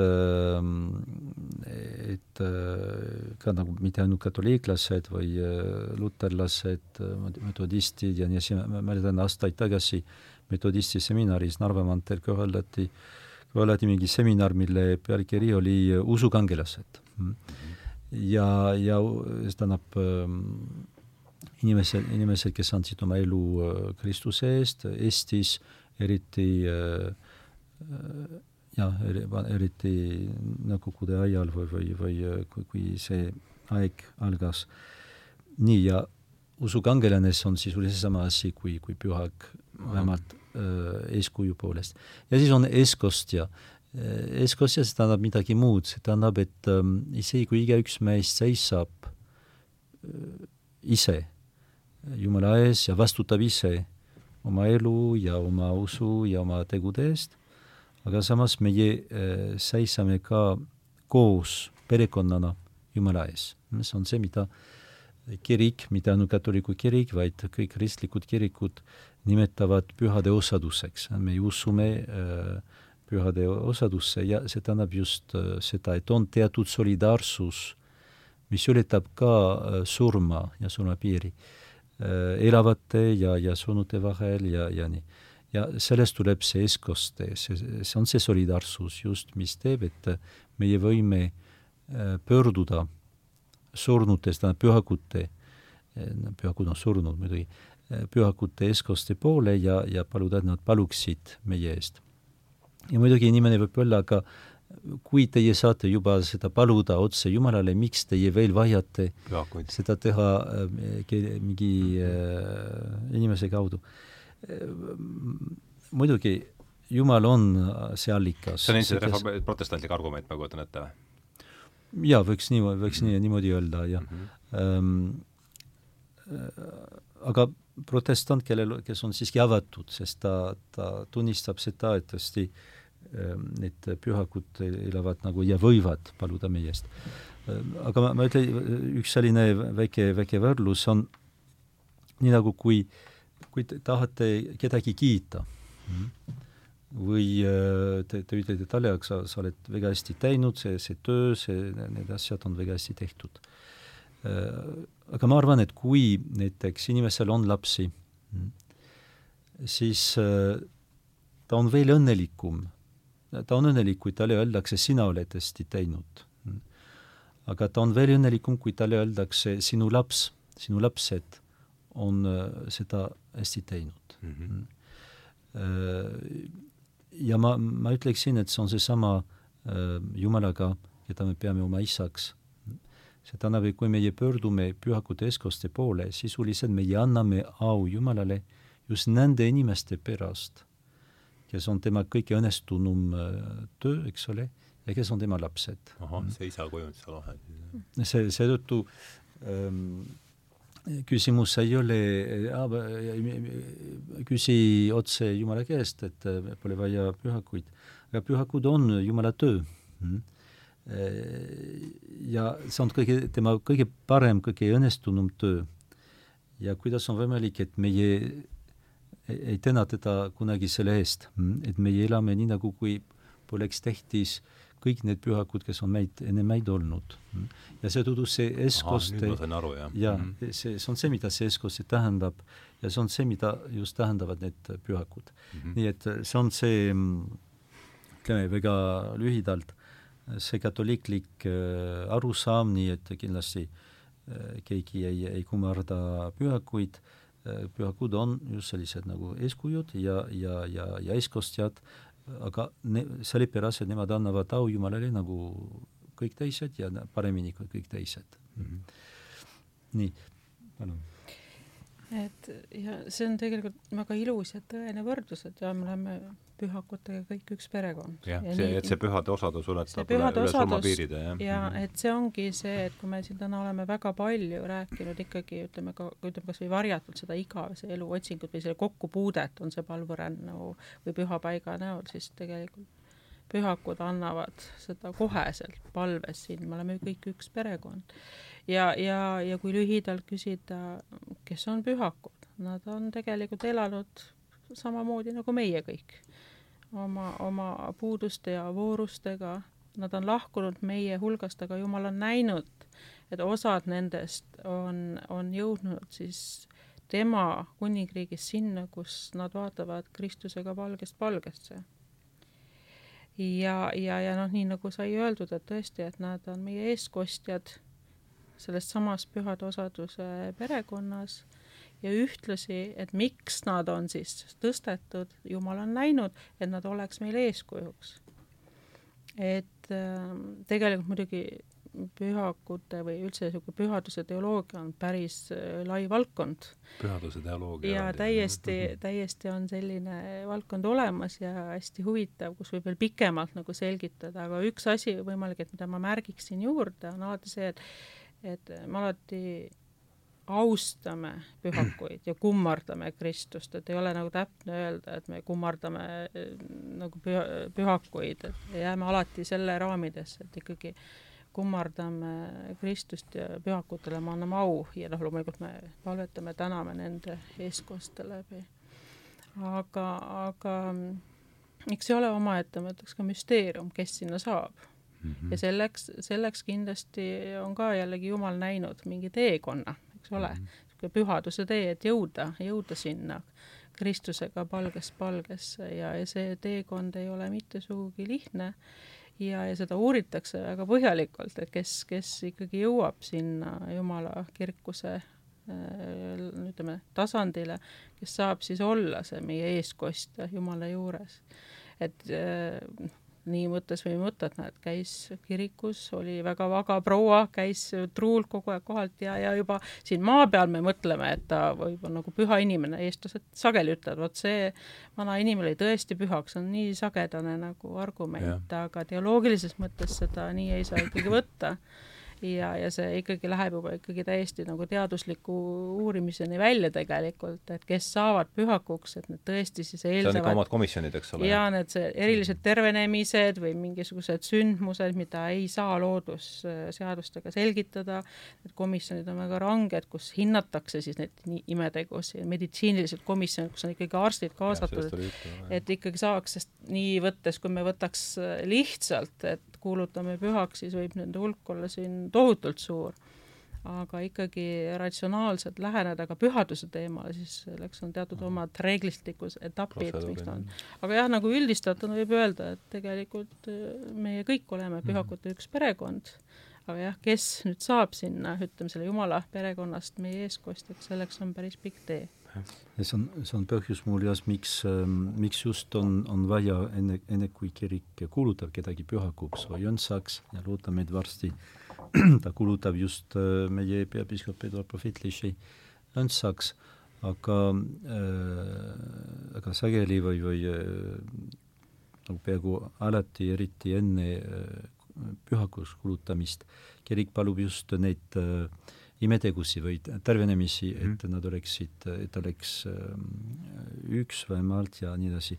ja miks, sellepärast et muidugi, kui meie, kui kirik uurib kõike seda, mida üks inimene, üks püha inimene on teinud, ütelnud ja, ja, ja, ja nii edasi, siis ta võib ühel hetkel jõuda veendumuseni, et, veendumusele, et, et see kõik loogiliselt näitab, et see inimene on, on pühak. Klapib. aga nagu meie teame ka, et vahel on asjad, mis, mis on väga loogilised, aga mis ei vasta reaalsusele. ja just kuidas minna sellest loogikast, et see inimene on elanud oma elu sellisel viisil, et meie ratsionaalselt võime öelda, et ta, ta on pühak, ja kuidas just äh, hüpata või üle minna reaalsusele. Ja seal on just see, see, see nagu imetegu mm. -hmm. imetegu, mis, mis näitab, et, et selle pühaku eestkoste kaudu Jumal on meid õnnistanud teatud äh, imeteoga. seal võib, see ei ole enam loogika küsimus, vaid see on just see, äh, kirik nimetab seda digitus dei, mis tähendab Jumala sõrm. see on see sõrm, mis näitab et äh, jah, see, mida sina oled mõelnud, et äh, ma ei tea, püha Assisi püha Franciscus on väga püha mees, mina näitan sulle, et see on nii. sellepärast, et tema eestkoste kaudu äh, olen äh, inimesi õnnistanud. seetõttu see on äh, need, need mõlemad aspektid on tähtsad ja, ja pühakute eestkoste äh, Äh, mida ainult, et ta saavutab meile armusid, see, mis on väga selge, aga ta näitab meile Jumala olemasolu, nii, niisama mm -hmm. kui äh, äh, palverännakutel on, on just sellised momendid, kus kus, kus Jumal nagu näitab ennast, eks ole, ta teeb midagi, mis ei ole loogiline, mis ei ole ratsionaalne, mis on nagu selle üle mm.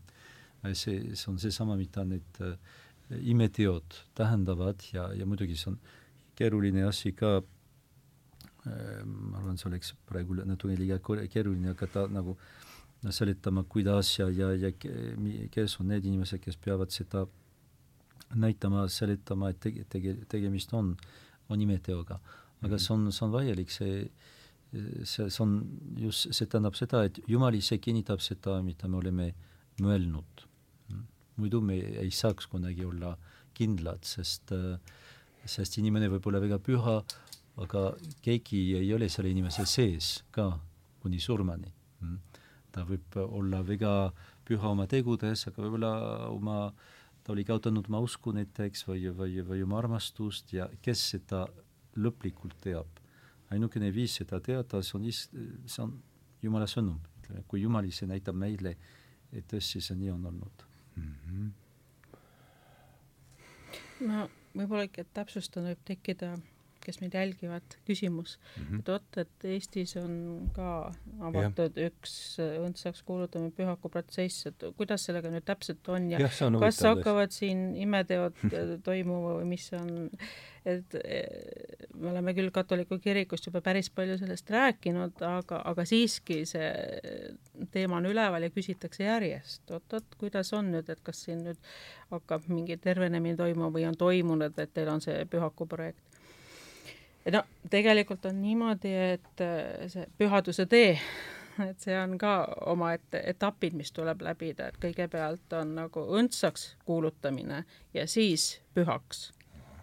et nagu näete, et see ei ole niimoodi, et me algatame ja siis saame kohe oma pühaku kätte, et, et et sageli vist ongi selline kuvand katoliku kirikus, et seal on hästi palju pühasi ja igasuguseid tähtpäevi ja, ja siis palju pühakuid ja pühapilte, kõik on hästi lõbus. aga, aga jah, tõesti, et see keegi isik sinna pühapildini saab, on väga suur äh, teaduslik uurimine äh, läbitud, et see teekond on päris pikk. nii et kõigepealt on õndsaks kuulutamine ja siis pühakuks mm. -hmm. nüüd meil, nagu piiskop märkis, on siis avatud Eduard Prohlitlich, kes oli siis katoliku piiskop, kes suri märtrina äh, Kirovi vangilaagrist tuhat üheksasada nelikümmend kaks. märtrina tema juba on Kristuse nimel oma verd andnud, selleks on ka -hmm. tunnistus, et ta jäi vabatahtlikult siia, et ta ei, ei jäta äh, ei jäta oma ra-, kogudust, oma, oma rahvast, Eesti rahvast, keda ta nii armastas. see on juba see eeskuju moment, panete tähele. ja, ja selleks on ka kas ta kirjalik lasti maha või suri lihtsalt seal? suri enne, ta anti otsus, et maha lasta, aga vangla tingimustele tugines suri enne maha, see oli, see oli väga tavapärane, sest see juhtus veebruarikuus ja võite arvata, milline on äh, Siberis, Venemaal vangilaagri tingimused ja, ja meil on olemas tunnistus, kus ta kirjutab, et, et kui teda nagu arreteeritakse, võetakse kinni ja hukatakse, siis see surm on Kristuse nimel, vot see on nüüd fakt, et ta on mhm. ise vabatahtlikult öelnud, et see on, tema annab oma vere Kristuse nimel mm. -hmm. see on alus, miks me saame üldse, üldse seda pühakuks kuulutamist alustada. nüüd märtrina tal ei ole vaja imetegu yeah et seda, seda, seda ütleb nagu siis reegel, mida on Püha Tool andnud, ta on juba andnud oma, oma vere Kristuse nimel. ja nüüd, kui tahame edasi minna, et ta on õndsaks kuulutatud ja, ja kas ta, püha... kas ta on kas ta on juba õndsaks kuulutatud, ei ole veel, jah? ei ole, et see protsess on avatud praegu Püha Tooli juures. ja kui me tahame edasi minna selles, kui ta on, et saada pühakud, siis on vaja ühte imetegu. nii, aga alati sellistel asjadel on aga, et need ei ole nagu noh, nii, nii selged. kui ma alustasin selle tegemisega, ma olin väga õnnelik, et me ei pea ühtegi noh, tähendab, me ei pea tegema ühtegi niisugust meditsiinilist komisjoni, et märtril ei ole vaja ühtegi imetegu ma kontrollin, et ma saan õigesti aru, et õndsaks kuulutamiseks piisab selleks märtri verest, aga kui sealt edasi märtri püha... puhul, jah. jah, märtri puhul ja, ja, ja see, aga kui pühakuks siis on vaja ühte imetegu. see on nüüd see reeglistik? see on reeglistik, aga ma räägin, rõhutan ikkagi mm -hmm. seda aga, sest ähm, kui ma alustasin sellega tööd ja rõõmustasin selle üle, et meil Märtril ei ole ühtegi imetegu, ei ole neid suuri meditsiinilisi komisjoni teadusuuringuid, siis ma kohtusin ühe päris eaka ja väärika vaimulikuga Roomas.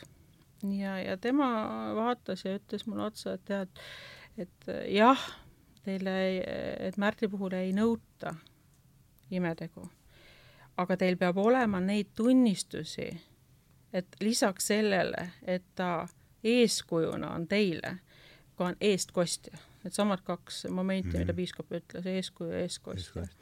ja selleks te peate palvetama ja läbi palve peab Jumal näitama teile teatud armu ühesõnaga mingit sellist, see ei pea olema imetegu, mingi tervenemine, aga see, see peab olema ka näidatud, et te palvetate ja te saate palvevastuseid just nimelt Jumalalt.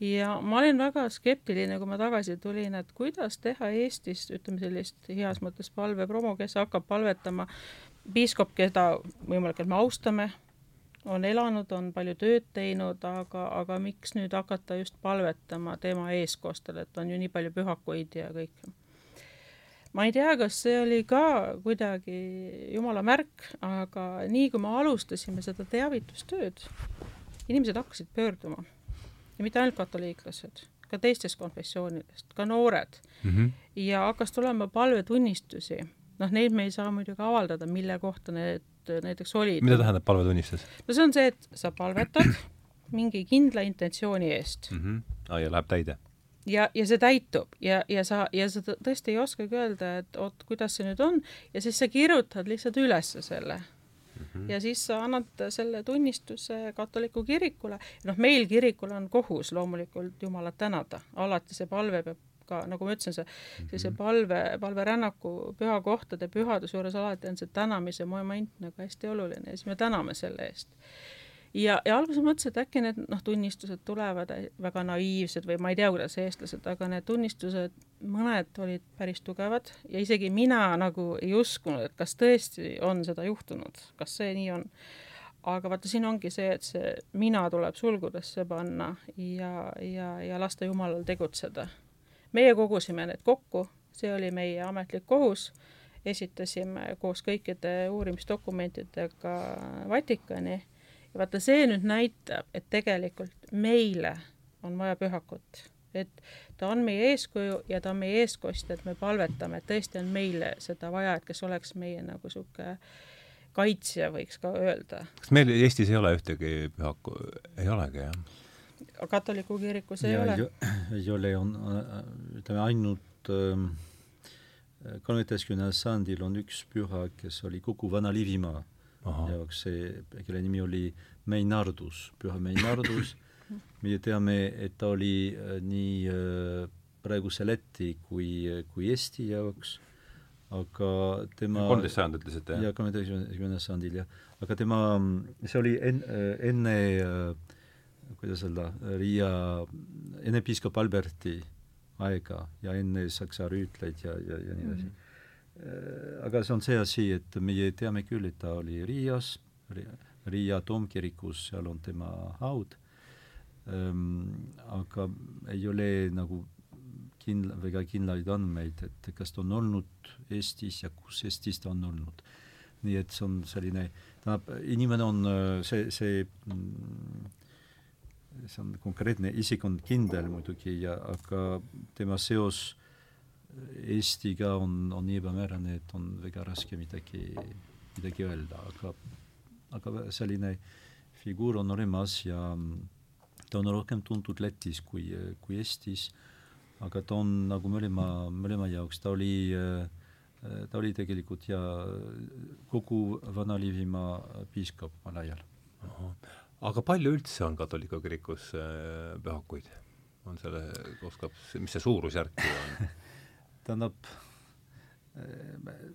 esiteks on, tähendab, siin me räägime muidugi inimestest, kes on kiriku poolt ja, äh, kulutatud. pühakuid muidu võivad olla miljoneid ja miljoneid. ma, äh, mina, ma, ma olen lugenud, et sellised kanoniseeritud mm -hmm. kuskil kolm tuhat.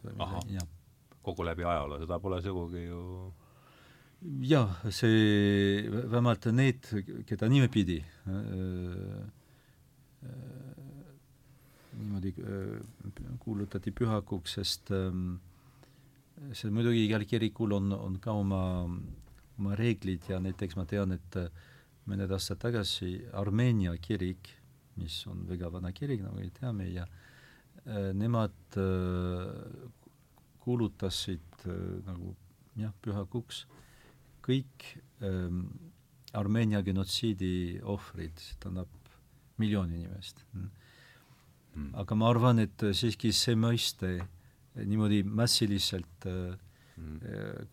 kulutada pühakuks kõik need, kes on surnud selle genotsiidi ajal, on isegi natukene erinev, erinev. mõiste kui see, millest meie siin räägime, nii ja, et et vähemalt pühakud, kes on sellised kindlad isikud, keda meie teame ja kes on, me teame, mida nad on teinud, mida nad on kirjutanud ja, ja saame seda kontrollida ja nii et jah, kolm tuhat. aga mis näiteks, mis võib olla näiteks suurusjärk selle praeguse paavsti ajal, kui palju on inimesi, kui, kui mitu inimest on näiteks umbes midagi? Ma ei tea täpset arvu, aga keskeltläbi aastas kulutatakse pühaks kuskil ütleme viis, kuus, seitse. Õndsaks ütleme niisugune kümme, kakskümmend, mitte rohkem. nüüd vahepeal muidugi oli siin see pandeemia paus ja, ja siis ei saanud teha ja komisjonid noh, ei töötanud ka, eks ole. ja meie, meie natuke juhtum ka seisis. Aga ütleme, noh, keskajal oli muidugi palju lihtsam see ja läks palju kiiremini, kui tänapäeva reeglistik ah, ette näeb ja noh, näiteks ütleme, meil tuntud Püha Birgitta, Pirita klooster on meil Pirital ja, ja kui Püha Birgitta lahkus meie hulgast tuhat kolmsada seitsekümmend kolm, siis äh, leiti, et temal on kuskil, ütleme, sellised ilmud, noh, Kristuse ilmumisi, erinevaid niisuguseid nägemusi olnud kuskil kuussada. Ja, ja need äh, koguti kokku, pandi kirja ja paavst äh, selle põhjal koheselt paar aastat pärast Püha Birgitta surma kuulutas ta pühaks tänapäeval on muidugi see hästi keeruliseks läinud, ütleme kõige keerulisemaks selle protseduuri tegi paavst Johannes Paulus Teine mm -hmm. ja just põhjusega, et äh, ikkagi need, kes jõuavad pühade hulka, et need oleks väga nagu teaduslikult uuritud, teoloogiliselt uuritud ja, ja kogutud ikkagi kokku hulk materjali, mis võtab mitte ainult selle isiku, vaid ka kogu selle, ütleme, piiskopkonna, selle riigi, ütleme, nii ajaloolist, kultuurilist tausta, et see oleks nagu süstemaatiline uurimistöö ikkagi et varem lihtsalt piisas seda, et oleks antud äh, andmed ja, ja esitati paavstile, ütleme hiliskeskajal pigem oli jah see, et inimeste tunnistuste põhjal, et keegi lahkus, olid ka ilmutused, koguti kokku, see oli juba natuke pikem protsess, mida süstematiseerida, jõuti ka paavstile, kes kuulutas. aga tänapäeval on see protsess väga-väga pikk. tavaliselt on pühakuks kuulutamine, võib isegi paarkümmend aastat, kui on, ütleme, aktiivne protsess. Mhm. praegu ma olen küsinud kongregatsioonist, siis pühakuks kuulutamise kongregatsioonist, palju teil üldse avatud neid juhtumeid on? et neid on ka, ütleme, circa kolm tuhat. ahah. ja, ja aastas viis-kuus kuulutatakse siis pühaks? nojah, pühaks ja mhm. ütleme, et kümme, kümme, kakskümmend või põntsaks, et see on see suhtarv, millest me räägime. Aga, aga ikkagi jällegi ma tulen tagasi, et see on selline, ütleme, inimlik pool, millega tegeletakse, niisugune uurimistöö, teadustöö, mis on omaette ka väga huvitav valdkond. aga ikkagi need, kes ikkagi jõuavad sinna täielikku pühadusse, see on ikkagi Jumala soov, Jumala, Jumala töö, mitte ei ole siin, et äh, on ametnikud, kes kuulutavad pühakuid, teevad pühakuid. Ameerikas on hea väljend isegi pannud saint makers käivad, piiskopkonnas on saint makers'id, kes teevad. ja peab ütlema, et kirik ei tee kedagi, kedagi äh, pühakuks, ainult Jumal teeb teda pühakuks. kirik ainult kuulutab. aga see Äh, ei tohiks küll nagu äh, aru saada niimoodi, et, et meie nagu loome neid pühakuid, vaid äh, meie tunnistame seda, et kõik viitab sellele, et see inimene on pühak ja, ja, ja elab Jumala juures mm. -hmm. nii, aga meil on siin nüüd juba läinud tund kakskümmend, et nüüd on aeg sinna allika juurde ikkagi seada mm, -hmm. seada oma sammud, et mis siis äh, see on suur lord, on siis äh, suur palverännakute pühapaik või palverännakute sihtpunkt, pühapaik äh, ja juhtus seal siis tuhat kaheksasada viiskümmend kaheksa, loen ma siis siin, talutüdruk nägi sealses koopas õnnistatud neitsi Maarja ilmutust. ilmutus ei ole ka paha, võtame, räägime ilmutus, et mis too on ja, ja kuidas võib-olla ka konkreetselt nüüd juba seoses selle allikaga seoses, et äh, kes tahab alustada? no ja ilmutus on ähm oli nii, et äh, Lourdes on väikelinn äh,, nagu ma ütlesin, mitte väga kaugel just äh, minu nagu kodu, kodukülast, ja nad äh,, muuhulgas nad räägivad sedasama patua, nagu öeldakse, see kohalik keel, mis ei ole prantsuse keel, vaid äh, Gaskonia keel. see nägija Bernadette, tema prantsuse keelt ei osanud tegelikult ja ta räägib ainult seda äh, seda mm, patua ehk Gaskonia keelt ja ja muuhulgas see, nüüd see Marja, kes ennast ilmutas temale, nagu rääkis talle ka Gaskonia keeles, mitte prantsuse keeles, ja Vatikanis praegu on üks, üks nagu kapel, mis asub seal äh, nagu seal, kus elab paavst ja ähm, nagu seal on mingi park ja, ja seal on see kapel ja seal on üks äh, kuju, Näitsi-Maarja kuju ja all on need sõnad, mida Maarja ütles äh, äh, Bernadetile või nägijale, kui see nägija küsis, aga kes sina oled? ja ta vastas, mina olen päris paduda saamine, see dogma, mida paar aastat varem Roomas paavst oli äh, välja kuulutanud, nii et, äh, et võib öelda, et see oli es-, võib öelda, et esimest korda Pirenee äh, dialektis äh, öeldakse just, öeldi selline Aha. nii keeruline sõn-, sõna, nagu on päris paduda saamine. nii et tema ise oli väga kas see on see Immaculate Conception on ta inglise? jah, Immaculate Conception ähm,. Nii et tema ise oli väga, väga lihtne tüdruk, nagu hästi nagu vaese, nagu vaesest perest. see linn ei olnud muidu väike linn, nagu jah, suur küla äh,, ei olnud ise väga, väga religioosne ja siiamaani tegelikult see, see piirkond on tuntud justkui mitte äh, väga, väga, väga religioosne, nii et ei ole religioosne? ei ole mm, -hmm. ütleme, nad on, enamasti nad on katoliiklased, aga aga isegi need kohalikud, nagu, nagu mina või, või need naabrid vähemalt teavad, et et Lourdi rahvas ei, ei olnud kunagi tuntud kui, kui väga selline katoliiklik ja religioosne. aga see on teine asi. ja siis, siis ühel päeval ta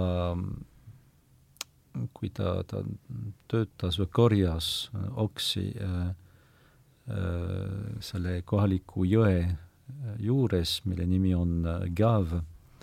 Gav, see tähendab just jõgi Gaskonia keeles. siis ta nägi, seal oli üks, üks koopas, mingi kalju mm -hmm. kohe selle jõi, jõe ääres ja seal ta nägi, et oli nagu mingi kuju ja siis ta sabisisse muutus nagu selgemaks ja ja siis ta nägi, et seal oli mingi daam mm, äh, rietatud siis valges ja, ja, ja sinises. ja see ilmutus kordus nagu mitu, mitu korda. aa, mitu korda nägi ja., jah? oli, oli mit, mitu ilmutus, mitte väga palju ka, aga, aga oli ja kuus või viis. Äh, ja see sõnum äh, oli ähm, äh, peamiselt vaimne sõnum, see tähendab äh, palvetada ja meelt parandada vaeste, vaeste pat-, patude, äh, vaeste patustajate eest, vaeste patuste eest. see, mis on, see on, see on tüüpiline just lurdi terminoloogia, tähendab äh, paistab, et Jumala ema nagu väljendas ennast niimoodi ja see on see, mida Bernadette, see nägija ütles, et just palvetada vaeste patuste eest. See, mis näitab just teatud, kuidas öelda, armastust, teatud halastust mm, -hmm. see ei ole ainult, et aa, inimene on patune ja me oleme kõik patused ja nagu vahel me, meile öeldakse pühapäeviti kirikus, eks ole, aga seal ta rääkis just vaestest patust, patustest. ja, ja just äh, paluda nende eest ja, ja, ja meelt parandada. ja siis ühel, ühel päeval, see oli, ma arvan, see vi-, viimane või eelviimane ilmutus, äh, Maarja palus, et et Bernadette teeks oma kätega mingit auku seal maalas ja, ja., ja siis, siis hakkas vesi välja tulema sellest ja ja Maria ütles, et et, et need inimesed, kes on haiged, et nad paneksid natukene seda vett enda peale. ja mm -hmm. siis algas ju see, see ähm, nagu haigete nagu tervendamise äh, asi, see tähendab, et see, see ei olnud nagu sajanditagune, sajandite-tagune traditsioon, et, et siin käiakse koos haigu, äh, haigetega, vaid see oli üks konkreetne sõnum, mida ilmutuse lõpul äh, Jumala ema andis äh, Bernadette, Bernadette'ile.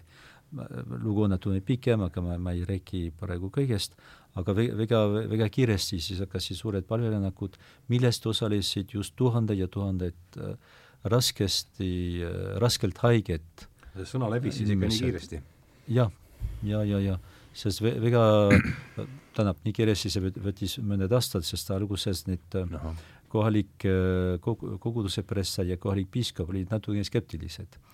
Aga, aga kui juba kirik kinnitas seda, et seal on midagi, midagi Aha. toimunud, mis on, mis on äh, üleloomulik, siis üsna, üsna kiiresti. Ja alguses kogu Prantsusmaalt ja siis Lääne-Euroopast mm, hakkasid väga palju inimesi tulema. Ja, ja, ja siis mõned said äh, terveks, mitte küll enamus või see on üks väike väike arv, see tähendab, et kõik need tõestatud terveks saamised Lourdis, seda, need terveks saamised, mille kohta arstid on ütelnud, seda meie ei oska seletada ja meie ei näe, keegi jõuaks seda seletada kunagi, kokku on seitsekümmend, kaheksakümmend, midagi sarnast, saja viiekümne aasta jooksul, nii et äh, siiski see ei ole nagu, et toimus seal massiline äh, tervendamine, sest äh, meie ei tohi ka unustada seda, et äh, seitsekümmend kuni kaheksakümmend inimest on ja. siis jah, see on nüüd komisjonid ja temp-, templid peal seal asjad, jah? ma vaatasin järgi, täpselt seitsekümmend on kinnitatud ja, ja., et viimane oli olnud ametlikult kinnitatud kaks tuhat kolmteist. sest äh, peab ka aru saama, et imeteod on reaalsed, aga need ei ole mõeldud nii, Äh, mingi terviseprobleemi mm. massiliselt tiražeeritavad, jah? vähendamiseks, samamoodi Kristus muidugi, ta on andnud äh, nägemuse tagasi pimedale inimesele ja nii edasi, aga meie ei saa öelda, et oleks, ta oleks ravinud kõik pimedaid inimesi mm. -hmm. Äh, Galileas või Juudamaal või, või, või Rooma impeeriumis ainult see, kellest piibel räägib, seetõttu ütleme, imetegude eesmärk ei ole see, et, et siis Jumal parandab teatud olukorda, mida inimesed ei oska parandada, vaid see on siiski, et tugevdada meie usku. Mm. See, seetõttu mm -hmm. tervishoiusüsteem ei raja selle jaa, see ei ole, see ei ole nagu ravikindlustus.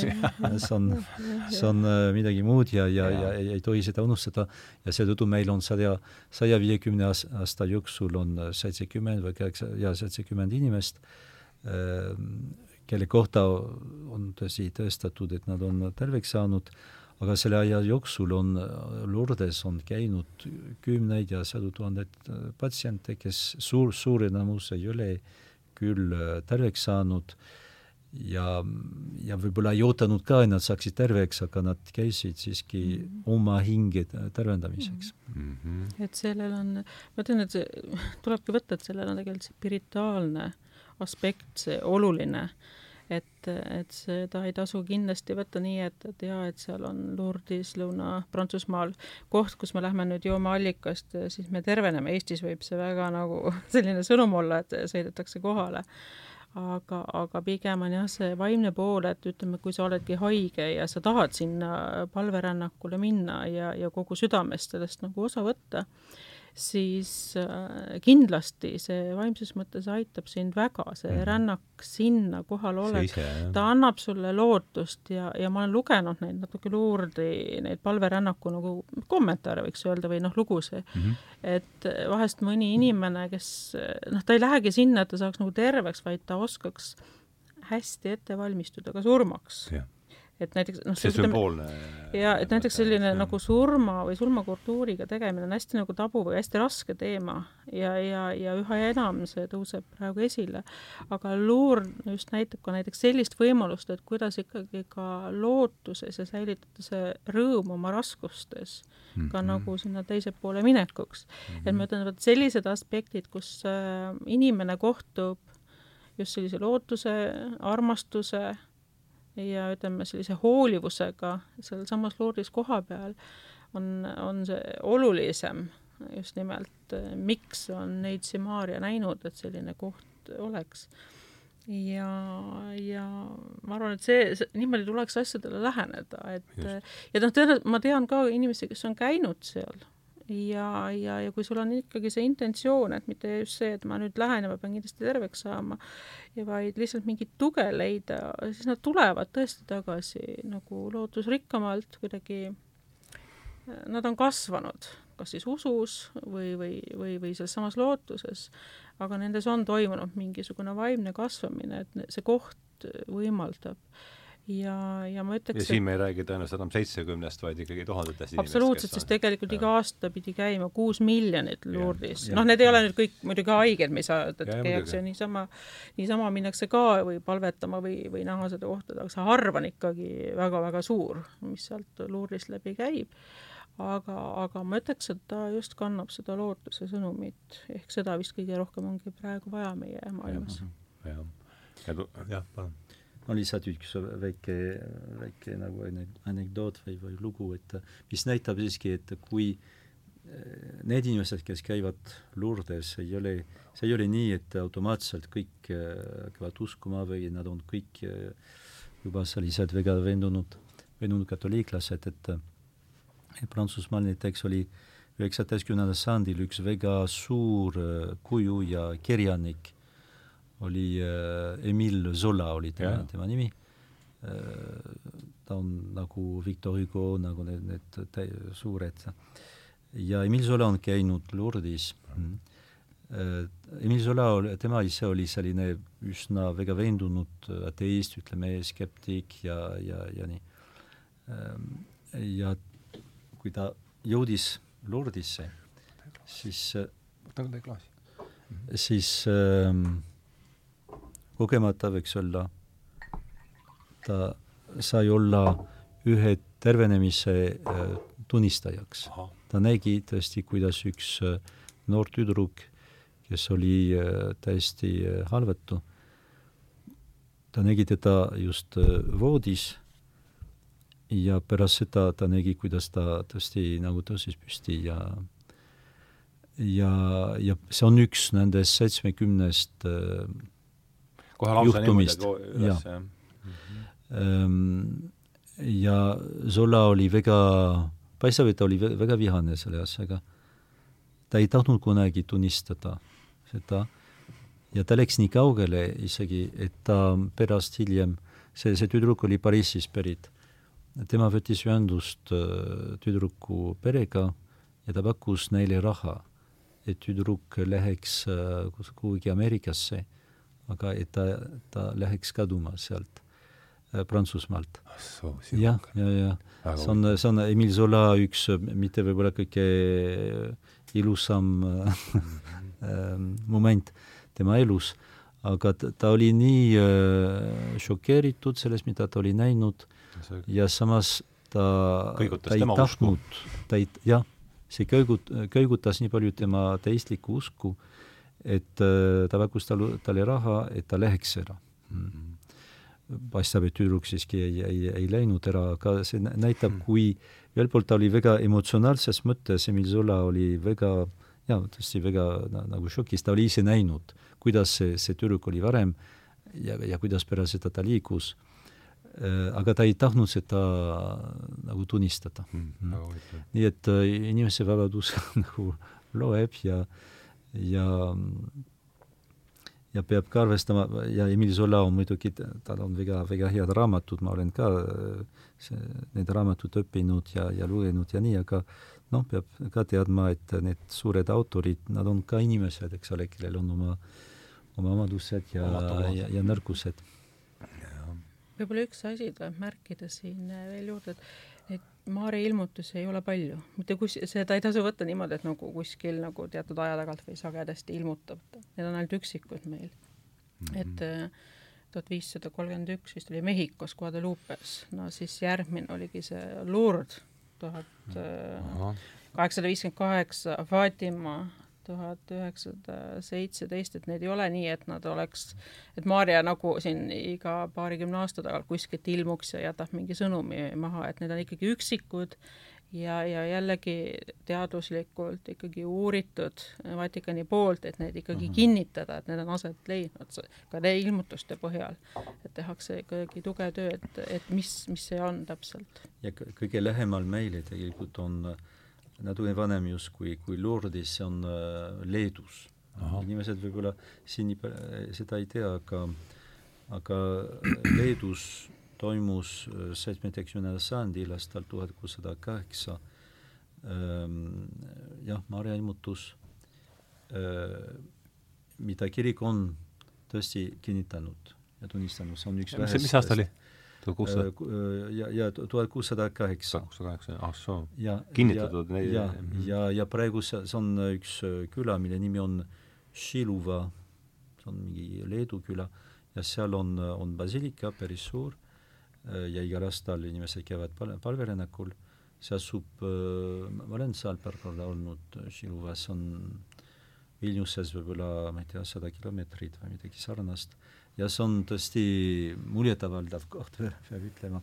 ja seal selle basilika sees on mingi suur kalju, mis on see koht, kus tõesti äh, Natsimara ilmutas ennast ja ta huvitaval kombel ta ilmutas ennast inimestele, kes ei olnud katoliiklased, sest äh, see oli sel ajal, kus äh, Leedu rahvas lühidalt ütleme, läks üle kalvin-, ütleme, ref- reformeeritud usule, mitte luterlusele, vaid kalvinismile ja s- sellepärast see kuningas, nagu öeldi, kuningas oli saanud, nende kuningas oli saanud kalvinistiks ja, ja nii.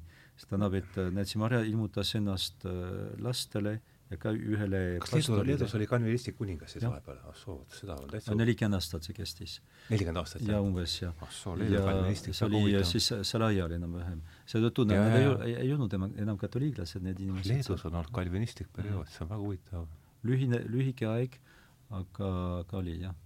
ja pärast tuli selline ta- tagasitulek katoliku usu, usu juurde ja no see on, see on Leedu äh, ajalugu ja väga see oli mingi Radzivill äh, perekond või mingi po Poola perekond tegelikult, kes olid need mm Mhm. -hmm. printsid seal ja ja olid ähm, niimoodi äh, läinud äh, võtnud nelikümmend aastat umbes, jah ja. ja.. aga, ja siis toimus see, see, see imutus ja mis on kiriku poolt kinnitatud ja kui inimene käib seal, siis saab äh, aru mingi suur esplanaad ja, ja basilika ja, ja see on, see on Šiluva, see on, ütleme, muidugi Vilniuses on ka Koidu värav, mis on väga, väga ar-, armastatud ka, aga nii palju, kui ma olen aru saanud Šiluvas on rohkem see nagu Leedu rahva oma Šiluvas, jah. Šiluva, jah. Šiluva, aga S Šiluva. jah, jah mm -hmm see nagu Leedu rahva oma, oma ilmutus, eks ole. see Koidu värav, mis, mis on Vilniuse vanalinnas, see on pigem selline rahvusvaheline ja, ja ka nagu pool, poolakate jaoks, Leedu poolakate jaoks väga, väga tähtis. aga Šiluva on äh, eriti leedukate jaoks väga, väga tähtis ja see on huvitav, tõesti huvitav lugu, jah. Vilniuse vanalinnas, jah mm -hmm. midagi lisada, kommenteerida? ei, ma olen käinud loomulikult Koidu, Koidu värava juures ja see, see on nüüd Vilniuses? Vilniuses on, jaa. ja kaugel see Šilova sealt siis on? no kuskil circa sada või Aha. natuke peale kilomeetrit on.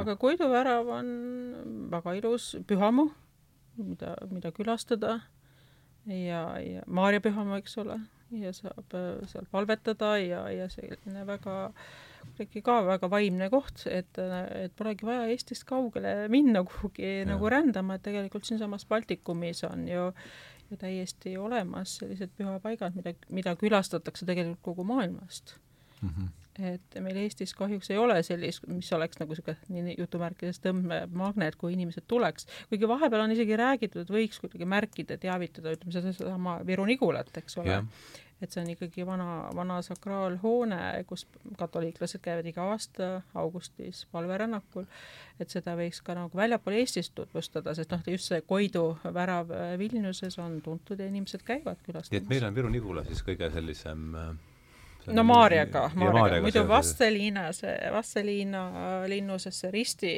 püha ristiga ilmutus, see on nagu võib-olla isegi tuntum ja, ja mm -hmm ja rohkem nagu käidav äh, ka erinevate konfessioonide poolt ja, mhm. ja näiteks äh, keskajal ju käidi sinna Vastseliinasse väga palju ja need, kes läksid palverännakule, oli võimalik saada indulgentsi.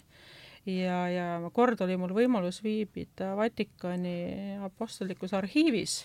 ma otsisin üles selle, et kas tõesti on olemas paavsti mingi kiri või dokument või informatsioon selle kohta, et kes Vasseliina äh, Äh, linnust äh, külastavad, palvetavad ja, ja ütleme veel parem, ütleme krist-, niisugune katoliiklik vagadus on nagu kristitee, et palvetavad sellist nagu Kristuse kannatust läbi, neil on võimalik saada indulgentsi ja oli tegelikult.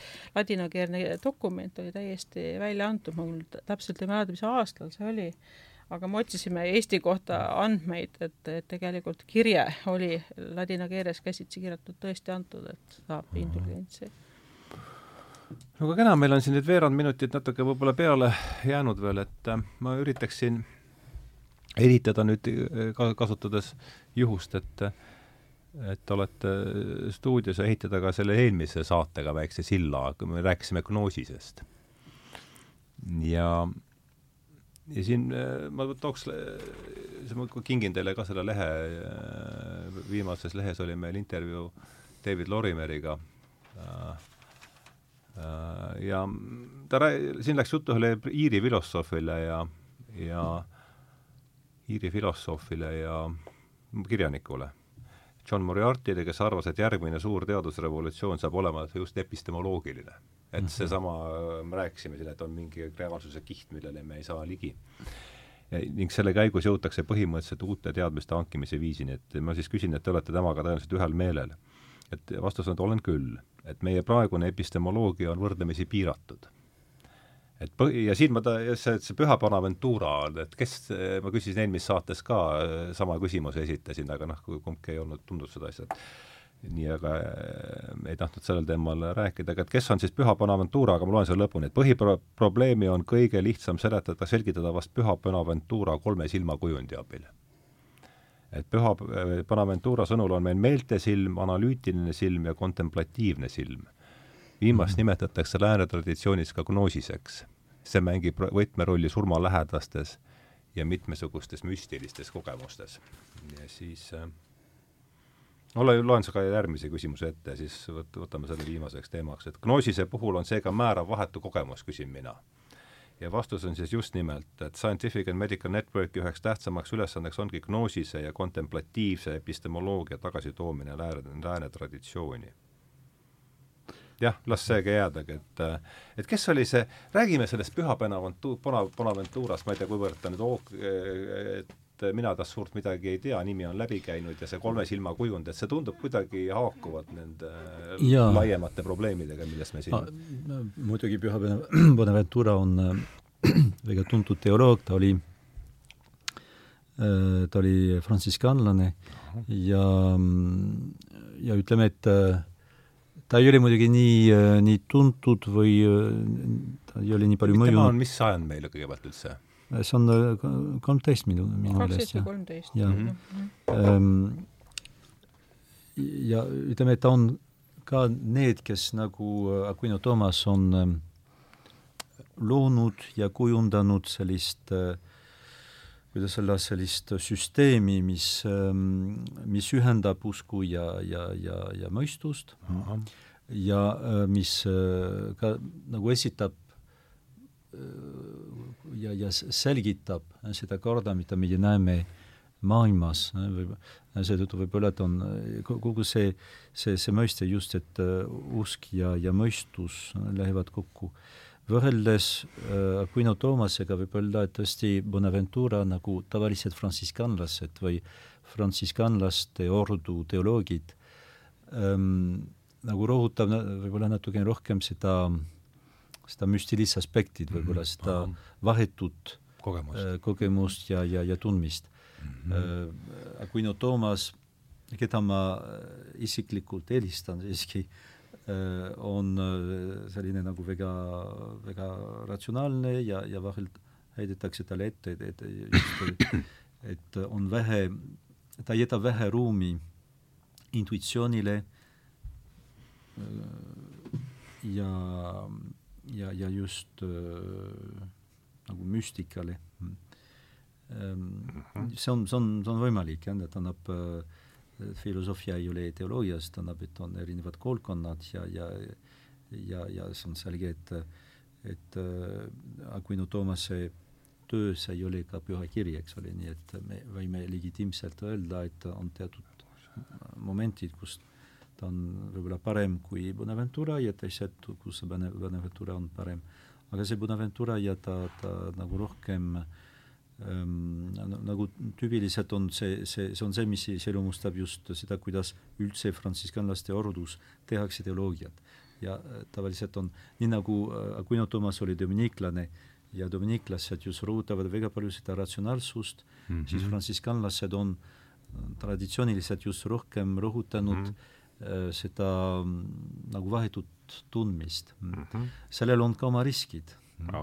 Äh, ja just äh, ma arvan, et gnoos on üks, üks nendest, äh, just gnoos on üks, on üks või, võimalik risk ja, ja me ei tohi ka unustada, et et just keskajal mitte vähe frantsiskanlasi äh, kuidas öelda, said või, või kuulutati äh, keisriteks ju sellepärast, et võib-olla see, see vahetu äh, tunnetamise viis vahel äh, viib natukene ja viib liialdusele, eks ole, või, või gnoosile mm -hmm. või, või nagu see mingi jah, mitte New Age, aga, aga midagi sarnast, see on natuke riskantne viis äh, teha filosoofiat, ma, ma, ma, ma arvan. aga on ka väga nagu head viljad vahel ja aga ma, ma ütlesin, et gnoos üldse äh, nagu kiriku vaatepunktist on, tavaliselt vähemalt öeldakse, et äh, gnostiku jaoks teadmine päästab sind mm. -hmm. see teadmine võib olla avalik, aga ta võib ka olla öö, salastatud mm. -hmm. ja gnostikud sageli just nad usuvad seda, et on mingi öö, nagu salajane nagu teadmine, mis, mis, mis avab meile taevaväravad, ütleme mm -hmm. nii Äh, kristlase jaoks mitte, mitte iseenesest teadmine päästab, vaid just äh, vaat Jumala arm ja, ja Kristuse surm ristil, seal on see suur, suur vahe. et meie näeme just päästmise allikat just Kristuses, tema, tema ohverduses ja, ja tema armus, on midagi, mis tuleb väljaspoolt. ja gnoos kipub ja vaatama just päästmist teadmises ja selles, et inimene ise teab ja, ja tunnetab ja, ja siis see, see ei tule nii palju väljaspoolt, vaid pigem seespoolt. seetõttu gnoos on sage-, sageli väga ahvatlev mm -hmm., sellepärast et äh, sulle tundub, et tõd, tõde tuleb sinus, sinu seest, mitte et sulle antakse tõde mm.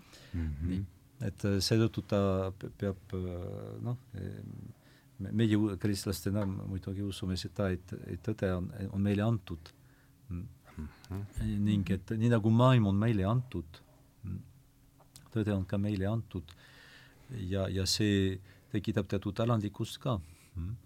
Et inimene peab tunnistama oma väiksust. ma ütleksin, et gnostiku, gnostiku äh, kiusatus võib alati muidugi ütelda ei kiusatusele, aga gnostiku ähm, kiusatus on sageli just teatud kõrgus võib-olla ja, ja liigne usaldus omaenda mm -hmm. jah, see on, see võib sealt kerge olla tulema mm -hmm. küll, oma, oma tõe ja. loomine täiesti. Aga, aga noh, ma ütlengi, et võib-olla täienduseks noh, see püha Bonaventura ka pühakute hulgas, ütleme, püha on ees.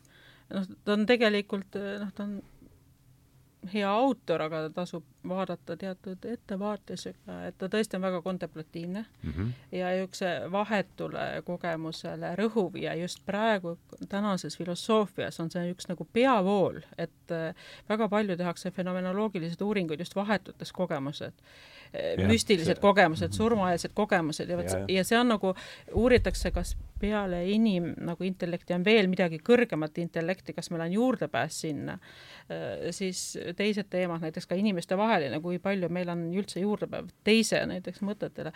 vot need on sellised ähm, suunad, mis praegu on väga aktuaalsed filosoofias. teadus, teadusuuringud ja just nimelt, et ma ütlen, miks see Bonaventura on välja toonud, et võimalik ta oli üks esimesi selliseid noh, suuremaid filosoofe, kes hakkas seda teed minema nagu ise sellist lääne, nagu ja, ja lääne traditsioonis. oma seda tõde looma et, et noh, hiljem teised on nagu ümber lükanud ja võimalik, et ta ei ole nii peavoolus filosoofia ajaloos olnud, Bonaventura, aga, aga see alge on ja vaat siin käib nagu selline nagu niisugune ring selles filosoofilistes teemades, aga huvitav fenomen on see, et miks nii palju tahetakse uurida just neid erinevaid müstilisi kogemusi, ka palve puhul ma tean, et eks kristlikus äh, filosoofias on ka nagu uuritud, et mis toimub ikkagi palve ajal, noh, me teame, me suhtleme Jumalaga, aga ütleme enda sisemuses need muutused, kui kõrgele see võib viia.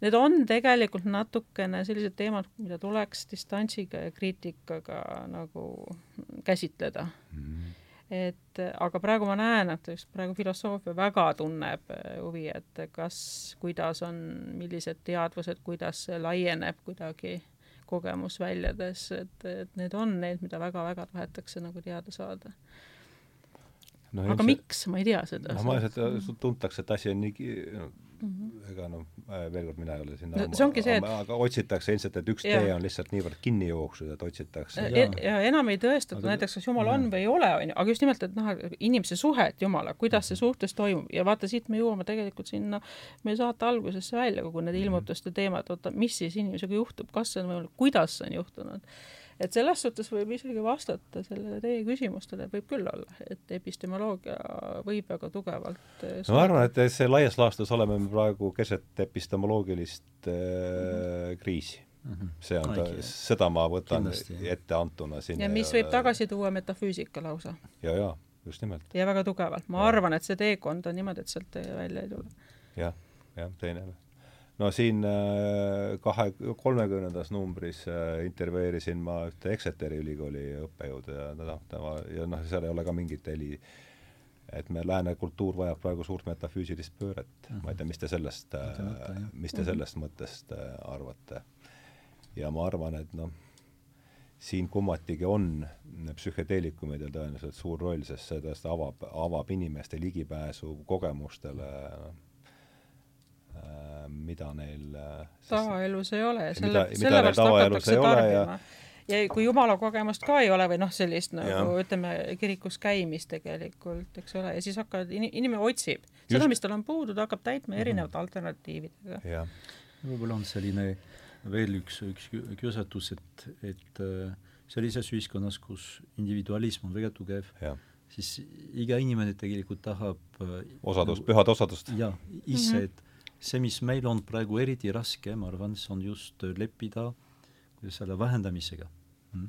selles mõttes, et mina, ma ei ole, mul ei ole äh, pääsu kohe vahetult kogu tõele, see ei ole võimalik.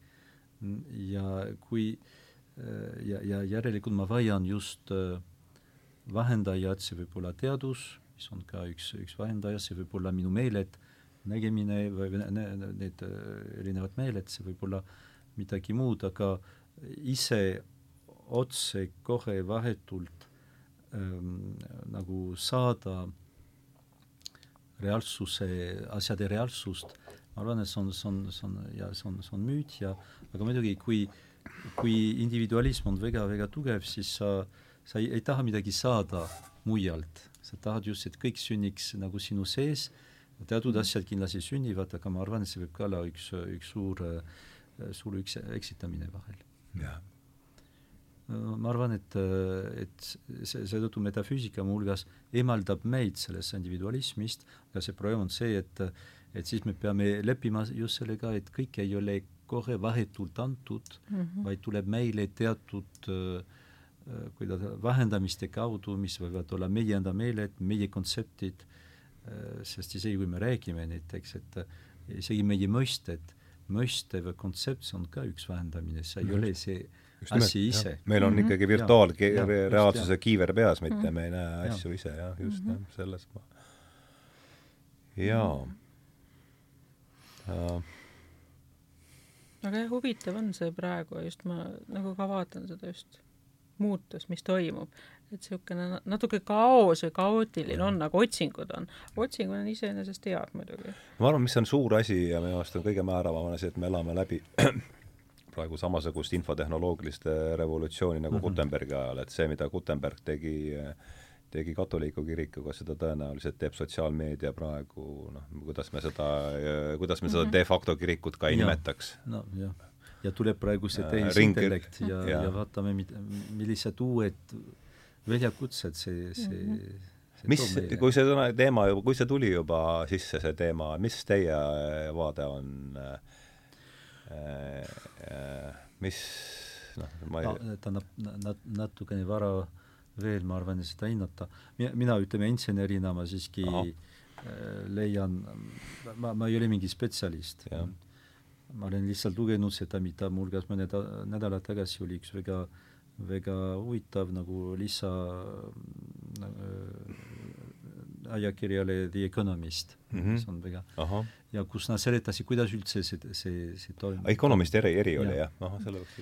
ja, ja mina ei teadnud seda, kuidas see, see toimub ja nad seletasid ja, ja ausalt öeldes mõtlesin, aga kogu see asi, see on lihtsalt statistika, siis on, see on andmete kombineerimine ja statistika. see tähendab, seal ei ole mingisugust äh, keegi ei mõista midagi otseselt, vaid äh, ehitatakse vastuseid absoluutselt äh, nagu statistilisel äh, pinnal, see on ja, ja uus epistemoloogia saab tekkida ikkagi erakordsest vaatusest, from, from the outlier, eks mm -hmm. ole, et see on ju ka ja, ja, ja see, see, seetõttu see, see muidugi ma, ma ei usu, et selles võiks äh, tekida, tekkida mingi südametunnistus, eks ole, või, või et, et mingi masin muutub nagu enese äh, või, või äh, saab, saab teadvuse mm -hmm. näiteks. aga, aga muidugi need, tõstaks üles need noh, need vastused ja, ja, ja see, mis tuleb just nendest algoritmidest ja nii edasi Äh, ja see tekit-, tekitab muidugi küs-, küsimusi, et ühelt poolt, kus on see eetiline piir ja siis noh, mis, äh, mida, mida tõsi, see tehisintellekt saab meile reaalselt öelda, mida meie veel ei tea mm. -hmm. nii et praegu ma, ma ei oskaks nagu, ma ei oska rohkem nagu seda kommenteerida, aga see, see on reaalne väljakutse. aga väga, väga ettevaatlikkusega tege-, tegelikult äärmise ettevaatlikkusega tegelema, sest noh, kohe ongi see ikkagi mitte ainult eetilised küsimused, vaid kogu elu küsimused mm.. et nii kerge on asju käest ära lasta, parandada, äh, väga keeruline. mul tuleb meelde see, see õige, see on see, kuidas mina olen seda, ma ei ole sellesse ka süüvinud, aga olen juhtinud juhindunud siin ühe teise teoloog, ka teoloogi arvamusest, küll mitte katoliikliku, vaid õigeusu teoloogi David Bentley Hart, kes on, ütles, võttis selles Jumala kogemuses, ütleb selle kohta niimoodi, mille me tõlkisime oma sarja, et et kui ma saadan endale kirja, kirjutan peale, et Ardo Pajula see ja see tänab, siis ma tõenäoliselt saan selle kirja kätte, aga oleks väga ebaloogiline loota, et seal kirja sees on, selle kirja sees on midagi muud, kui mis ma sinna kirjutasin et see võtab mm -hmm. minu jaoks päris hästi no, kokku selle mm, -hmm. kogu, kogu selle, selle mm -hmm. asja. aga kaks tundi saigi täis, mitte et me peaks nüüd stopperiga siin mingi aega võtma mm, -hmm. aga läks -hmm. ju nagu, läks kiiresti, kiiresti, aeg läks kiiresti jah, et jutt, jutt tiirles nagu ikka siia-sinna mm -hmm. ja ja küll allika ääres ja allikast eemal, et äh, tahate võib-olla ise midagi lõpetuseks, lõpeta-, annaks teile lõpetuseks sõna. No Marge daamid jah, see on see klassika, et naistel eesõigus, eks ole. aga tähendab, ma julgustan uskuma, usk on aastatuhandeid olnud, vahest ehk teatud kultuuriruumides inimestele on see väga loomulik uskuda. teistes jällegi natuke skeptiliselt ja, ja, ja püüda tõestada, aga, aga mitte, mitte kaotada usku ja, ja otsida tõde. tõde võib olla su sama sees. ja, ja ikkagi kutsuda, noh, nii võib tunduda isegi natuke naiivselt, aga palvetama palverännu teele minna, et mitte seda unustada, et me kaldume väga suuri kontseptsioone looma, tõestama, lugema kõiki asju, aga lihtsuses peitub võlu ja see puudutab nii teoloogiat kui filosoofiat. midagi? ja mida ma, mina ma ütleksin, et äh, meie elu on äh, meie palverännak, meie elu on palverännak ja see on meie kõige tähtsam palverännak, mida me peame hästi elama. jah aga tänan teid, ma omalt poolt võib-olla juhin veel tähelepanu kuulajate, just täna, eile õhtul kuulasin inglise kirjaniku Paul Kingsnorthi suurepärane pooletunnine ettekanne, ma intervjueerisin teda kahekümne teises lehes. ütles, et et pra- äh,, ettekande pealkiri What is there left to conserve mm? -hmm. ja ütles, et olukorras, kus midagi enam konserveerida ei ole, tuleb meil valida lihtsalt äh, omaenda religioon, tema ütles, et kõige olulisem on valida praegu omaenda religioon, sest vastasel juhul valitakse see me-, teha see, see valik, sest vastasel juhul see valitakse mm, -hmm. sest vastasel juhul see valitakse meie eest ja lõpetas siis sõnadega jah, et what to do if the, when there is nothing left to conserve, et ongi vastus, et the answer is to pray. et siis, kui olukorras, kus pole enam midagi konserveerida, on ainus asi, mis meil on jäänud, ongi ainult palve, et see tundub ma näen, et te noogutate kaasa siin ja see vist haakub, haakub sellega, mida me siin ja mismoodi, muidugi järgmine küsimus on mismoodi ja kelle poole ja see on, need on, aga, aga juba see teadmine, et ise ei ole Jumal, see aitaks meid päris palju edasi, ma arvan. et see on suur, see, see oleks juba suur murrang, ma arvan. jah aga aitäh teile, et te tulite, isa Philipp, äh, Marge tulime alati hea meelega. jaa, et mul on kohe järgmised ideid, aga nendest räägime, räägime väljaspool äh, äh, siis, kui on mikrofonid kinni. et aitäh ja paneme siis äh,, vajutame vastavatele nuppudele.